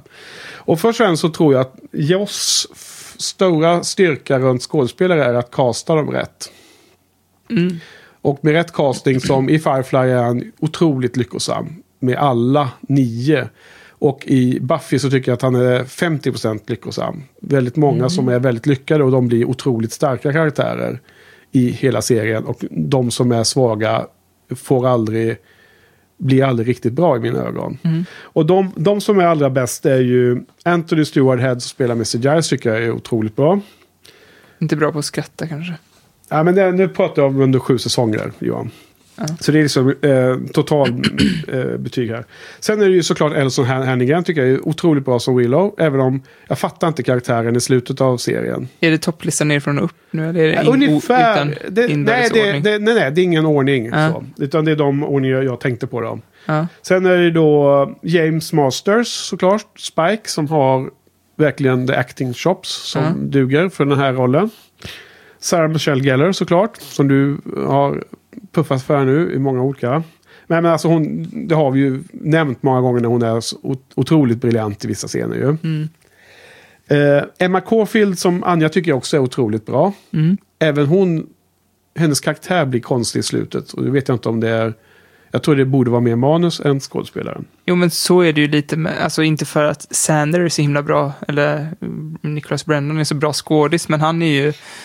eh, Han är en dålig skådis. Ja, han, men hans karaktär, han är ju castad som karaktär. man ska- Han har karisma, eller vad man ska säga. Men han hatar man ju inte för att han spelar dåligt i vissa fall, utan för att manuset är lite eh, liksom, dåligt egentligen. Ja, precis. Um, de jag också skrivit upp här i alla fall är att eh, Alexis Denisov som spelar Wesley, Wyndham Price, Mm. är ju otroligt bra. Tycker jag. Men han är också med i Angel och det, det är väl där man ser mer av hans skådespel. Ja, jag tror det faktiskt. Mm. Han får inte visa, alltså inte för att han är dålig i Buffy, men... I men efterhand så förstår man ju vad de gör med den karaktären i Buffy. Man hatar ju den karaktären när man ser honom första gången. Ja. För han är ju den här dåliga eh, watchen som kommer in och fuckar upp för dem. Mm. Men när man ser hela Angel och när man tittar tillbaks vad han då gjorde så han är helt klart en av de bra skådespelarna. Sen tycker jag, jag tycker att Claire Kramer som spelar Glorificus är otroligt bra. Sen fattar jag inte varför hon inte har fått mer jobb och sånt efteråt. Hon, hon har inte liksom fått ett, blivit ett stort namn. Nej, det är Det lite... är många som inte har blivit det i och för sig då, men, men ja, jag tycker hon är underskattad. Och sen så älskar jag såklart Nathan Fillion, det har vi redan sagt, som Caleb. Det är också en favoritskådis. Han, han funkar ju i den här rollen också. Sofia tyckte väl inte det, om, om jag nu kommer ihåg rätt, om det var Sofia som sa att han, han, han inte var hotfull nog. Men jag tycker verkligen att det finns där i det, i det skådespeleriet. Men nu kommer vi till det intressanta, de som jag är helt klart besviken på skådespelarmässigt. Utan rangordning. Dels är det ju Faith, Eliza Dushku. Jag tycker tyvärr att till exempel Who Are You så är det så himla tydligt att, att Sarah Michelle Gellar gör den där switchen att spela den andra karaktären i den andra kroppen. Ja, Så himla mycket bättre. Mm, jag håller med om att hon inte är så himla bra, men jag tycker att hon passar för sin roll i alla fall. Och jag blev så jävla glad när hon kom tillbaka till säsong, Ja. säsong sju. Och det vill jag också kommentera att när hon kommer tillbaka till säsong 7 så blir man jätteglad. Men det, jag undrar ju om det inte är nostalgiska känslor från att man tyckte att säsong 3 var så bra. När hon var så, vikt, eh, så stor del i. Ja, det kanske är något sånt. Men... För jag, jag måste säga att, det, och det, det kommer jag också ihåg att vi många gånger har sagt i podden och så, att hon är inte all... Sen har vi den, ja, att hon inte är lika bra så som man skulle kunna tänka sig där. Eh, så, nu har jag inga bra exempel på alternativ, det, det har inte jag förberett, men det, och det är inte heller så intressant kanske. Det blir en sån här låtsaslek. Men nästa som då ingen kan vara förvånad över, det är ju att jag tycker att Tara liksom blir inte den karaktären som jag hade önskat med Amber Bensons överspel eller vad nu är hon gör då. Sen lustigt nog blir hon ju mycket bättre. Precis i slutet innan hon dör så är hon ju helt solid helt plötsligt. Mm. Och då är det, som, är det för sent för mig att verkligen känna så starkt som man borde känna för att en r- Seeing, seeing Red avsnittet när hon blir skjuten av Warren ska kännas så hårt. Mm. Som jag förut hörde att eh, Johan blev riktigt berörd av. Så det var ju kul att höra. Joja, Mm. Sen då. jag. Nej, just det. En annan Johan, det är ett vanligt namn. Sen är det som du sa, Sander. Jag tycker att Niklas Brandon är kanske typecastad, men han är fasen dålig alltid. Jag tycker det skulle varit så himla mycket bättre att ha en, en, en, en som, som är duktig skådespelare på att vara den rollen som Joss ville ha. Både i början av serien och i slutet. Alltså jag håller ju med om att jag hellre skulle se Ryan Reynolds i den rollen än uh, Nicholas Brandon. Men jag tycker, jag gillar ju Nicholas Brandon. Ryan eh, Reynolds. Ja, men han, eh, han är inte helt kass, eller? eller var det, Ryan Reynolds? Ja, han är ju bra. asbra ju. Ja, jag, jag, bara, jag blir osäker Men, nu om men det var ett det är bara för att Green Lan- han har varit, han har varit med i skitfilmer alltså, men han är det ju han grym. Deadpool va? Ja, Okej, ja, och är det. Green Lantern. Jag blandar alltid ihop de där hårfagra killarna. Men det finns ju bra filmer med honom som Buried till exempel. Okej, jag har inte sett. Det är ju grym. Nej, men alltså det är jättesvårt att, att säga exakt att det ska vara den och den, men... Ja, han kanske har lite samma roll som eh, Wash har i Firefly. Då är det ju... Men vad heter han nu igen? Eh, han som spelar rösten till roboten i Rogue One. Nej, men han, han hade ju spelat den här goofiga, charmiga killen. Spelar ju den mycket ärligare till karaktären. Det känns som att Niklas Brandon är goofar runt. Han, han gör inte karaktärens rätta. Liksom. Han spelar inte den... Man ska spela straight, men var, karaktären ska få vara goofy, men inte skåd, skådespeleriet för att presentera karaktären för åskådaren. Förstår, jag, förstår du vad jag menar? är för snurrig just nu. Ja. Följa med i... Ja. Förlåt. Alan Tudyk heter han. Jag. Alan Tudyk, ja precis. Eh, det är inte första gången jag har glömt hans namn, så det måste, vara, eh, det måste ligga på någon plats i mitt minne som är svårtkomligt, för jag brukar glömma hans namn. Tatuera in den. Lustigt. Jag får skriva det på handleden här, vänster hand. Sen är det från säsong fyra två stycken. Jag menar både Riley, alltså Mark Blucas är ju under all kritik tycker jag. Han är inte alls, ja, men han är inte alls den energi eller karisma som, även för att spela en snäll och nice guy, Ja. så måste det finnas någonting som gör att vi tror på att Buffy blir så förtjust i honom. Ja. Det finns inget i honom som får mig att tro att Buffy faller för honom. Nej, jag tror att någon gång att jag har sagt att jag inte tror att det är skådespeleriet, utan det är bara så jävla konstigt karaktär. Men när jag tänker tillbaka, alltså, man hade nog kunnat skruva den som skådis, att bli lite mer älskvärd, att ha lite mer, mer karisma i den karaktären. Men Ja, nu alltså- är han ju bara en Ja, jävla vi måste väl ändå från ge- första scenen. Vi måste väl ge Buffy cred för att hon måste ha något som hon eh, blir nyfiken på eller blir charmad av eller liksom får en... glimt i ögat av. Och Mm. att bara det ska vara manusförfattarens text som gör att hon blir förälskad, det är ju fel. Det ska ju vara något, Mm. det, ska vara, det kan vara en snäll det kan, snubbe, det kan vara en som har allting som Riley har på pappret, men det måste vara någon som levererar det med, en- med en, en ty, tyngd som gör att man tror på det. Och sen även då skurken i säsong 4 är ju också helt kass. Adam. Adam menar jag. George Hertzberg som han heter. Jag menar, där är det mycket att det ska vara en sån här Robocop-variant och att det är lite så här Arkiv X över det hela helt plötsligt och sånt. Med initiativ och allt det där. Men jag tycker att igen, hade man haft en Krallick-liknande monster där som var lite mer kul att se, lite roligare energi runt. Mm. Då hade kanske den, den, den eh, starka onda robotmänniskan blivit Ja. roligare att följa. Han var jätteallvarlig samtidigt som han sprang runt med en floppy disk på bröstkorgen. Liksom. Det Ja. går inte ihop. Och det liksom blir eh, inte lika bra som om man haft... Alltså, eh, inte minst skurkarna måste vara bra för att det ska hålla. Ja, Mm. men du. Eh, fasen vad länge vi har hållit på nu. Ja. Vi ska, alltså jag tror att... Eh, Det är en two-parter det här eller? Ja, nej men det... Nej, vi är inte så långa så att vi, vi slår rekord, men vi börjar närma oss. Ja, men det, är, eh, nu har vi täckt in en jäkla massa olika perspektiv. Mer eller mindre ostrukturerat, men eh, vad fasen. Man får väl shoppa upp och lyssna på det här i, i eh, flera resor fram och tillbaka till jobbet, antar jag. Ja, Det var ingen halvtimmes podd. det var inte det. Nej. Ja, men då är det slut då, Johan. Ja, det är väl det. Vi får se när lusten eh, kommer tillbaka för att göra något nytt.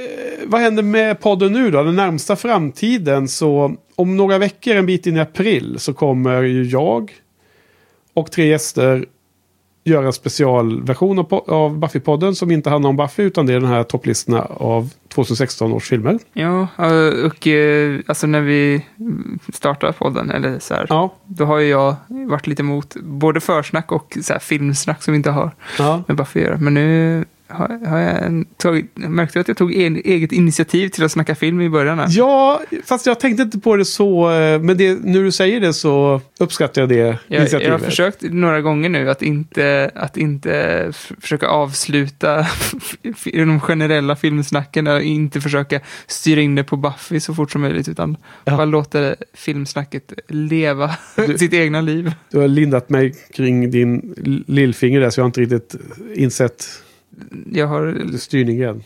jag har försökt att inte linda dig kring lillfingret. Ja, helt enkelt. nej, men det, eh, vi kommer ju ut med det avsnittet där och sen då lovar jag att ha funderat ut hur framtiden ska bli. Men Ja. just idag så lutar det åt att vi fortsätter skicka ut en podd lite då och då i framtiden och vi kanske byter namn. Och exakt vilken konstellation poddningen ska bli i framtiden är lite oklar men låt mig tänka på det. Men vi kommer åtminstone ha ändra på konceptet lite. Och ta paus Vi ska nu. inte kolla på Buffy. Vi ska inte kolla på Buffy och det ska inte vara du och jag varje vecka. Sofia vill inte ta över stafettpinnen heller. Där, Nej, så. hon svarar nej på det va? Ja. Otroligt elakt. ja, men vad fan, vi har gjort det här för henne. Nu får hon ställa upp. Ja, jag vill också höra på någon som sitter och pratar om favoritserie på det här sättet. Ja. Som är inte David Känd. Men om Joss eh, gör en ny serie som börjar gå på tv, Ja. då måste vi ju hugga tag i den här podden igen. Ska vi göra som David Känd då och köra liksom live? Parallellt med, alltså varje vecka. Parallellt, med- Parallellt med att avsnittet går i bakgrunden. Ja, men det är så, samma vecka och innan nästa avsnitt kommit ut och sånt där. Ja, Så som de gör på Game of Thrones och Westworld. ja det tycker jag. Oj, vilken ansträngning. Vilken, eller inte ansträngning, men vilken eh, tidspress. Varje Ja, vecka. det här eh, tycker jag att du lovar nu Ja. när vi har mickarna påslagna. Ja. ja, ja. Det har i alla fall varit eh, otroligt kul. Så jag tackar dig, medvärlden. Tack själv, medvärd. När vi är klara här så får vi eh, sä- sätta oss i soffan och hångla här.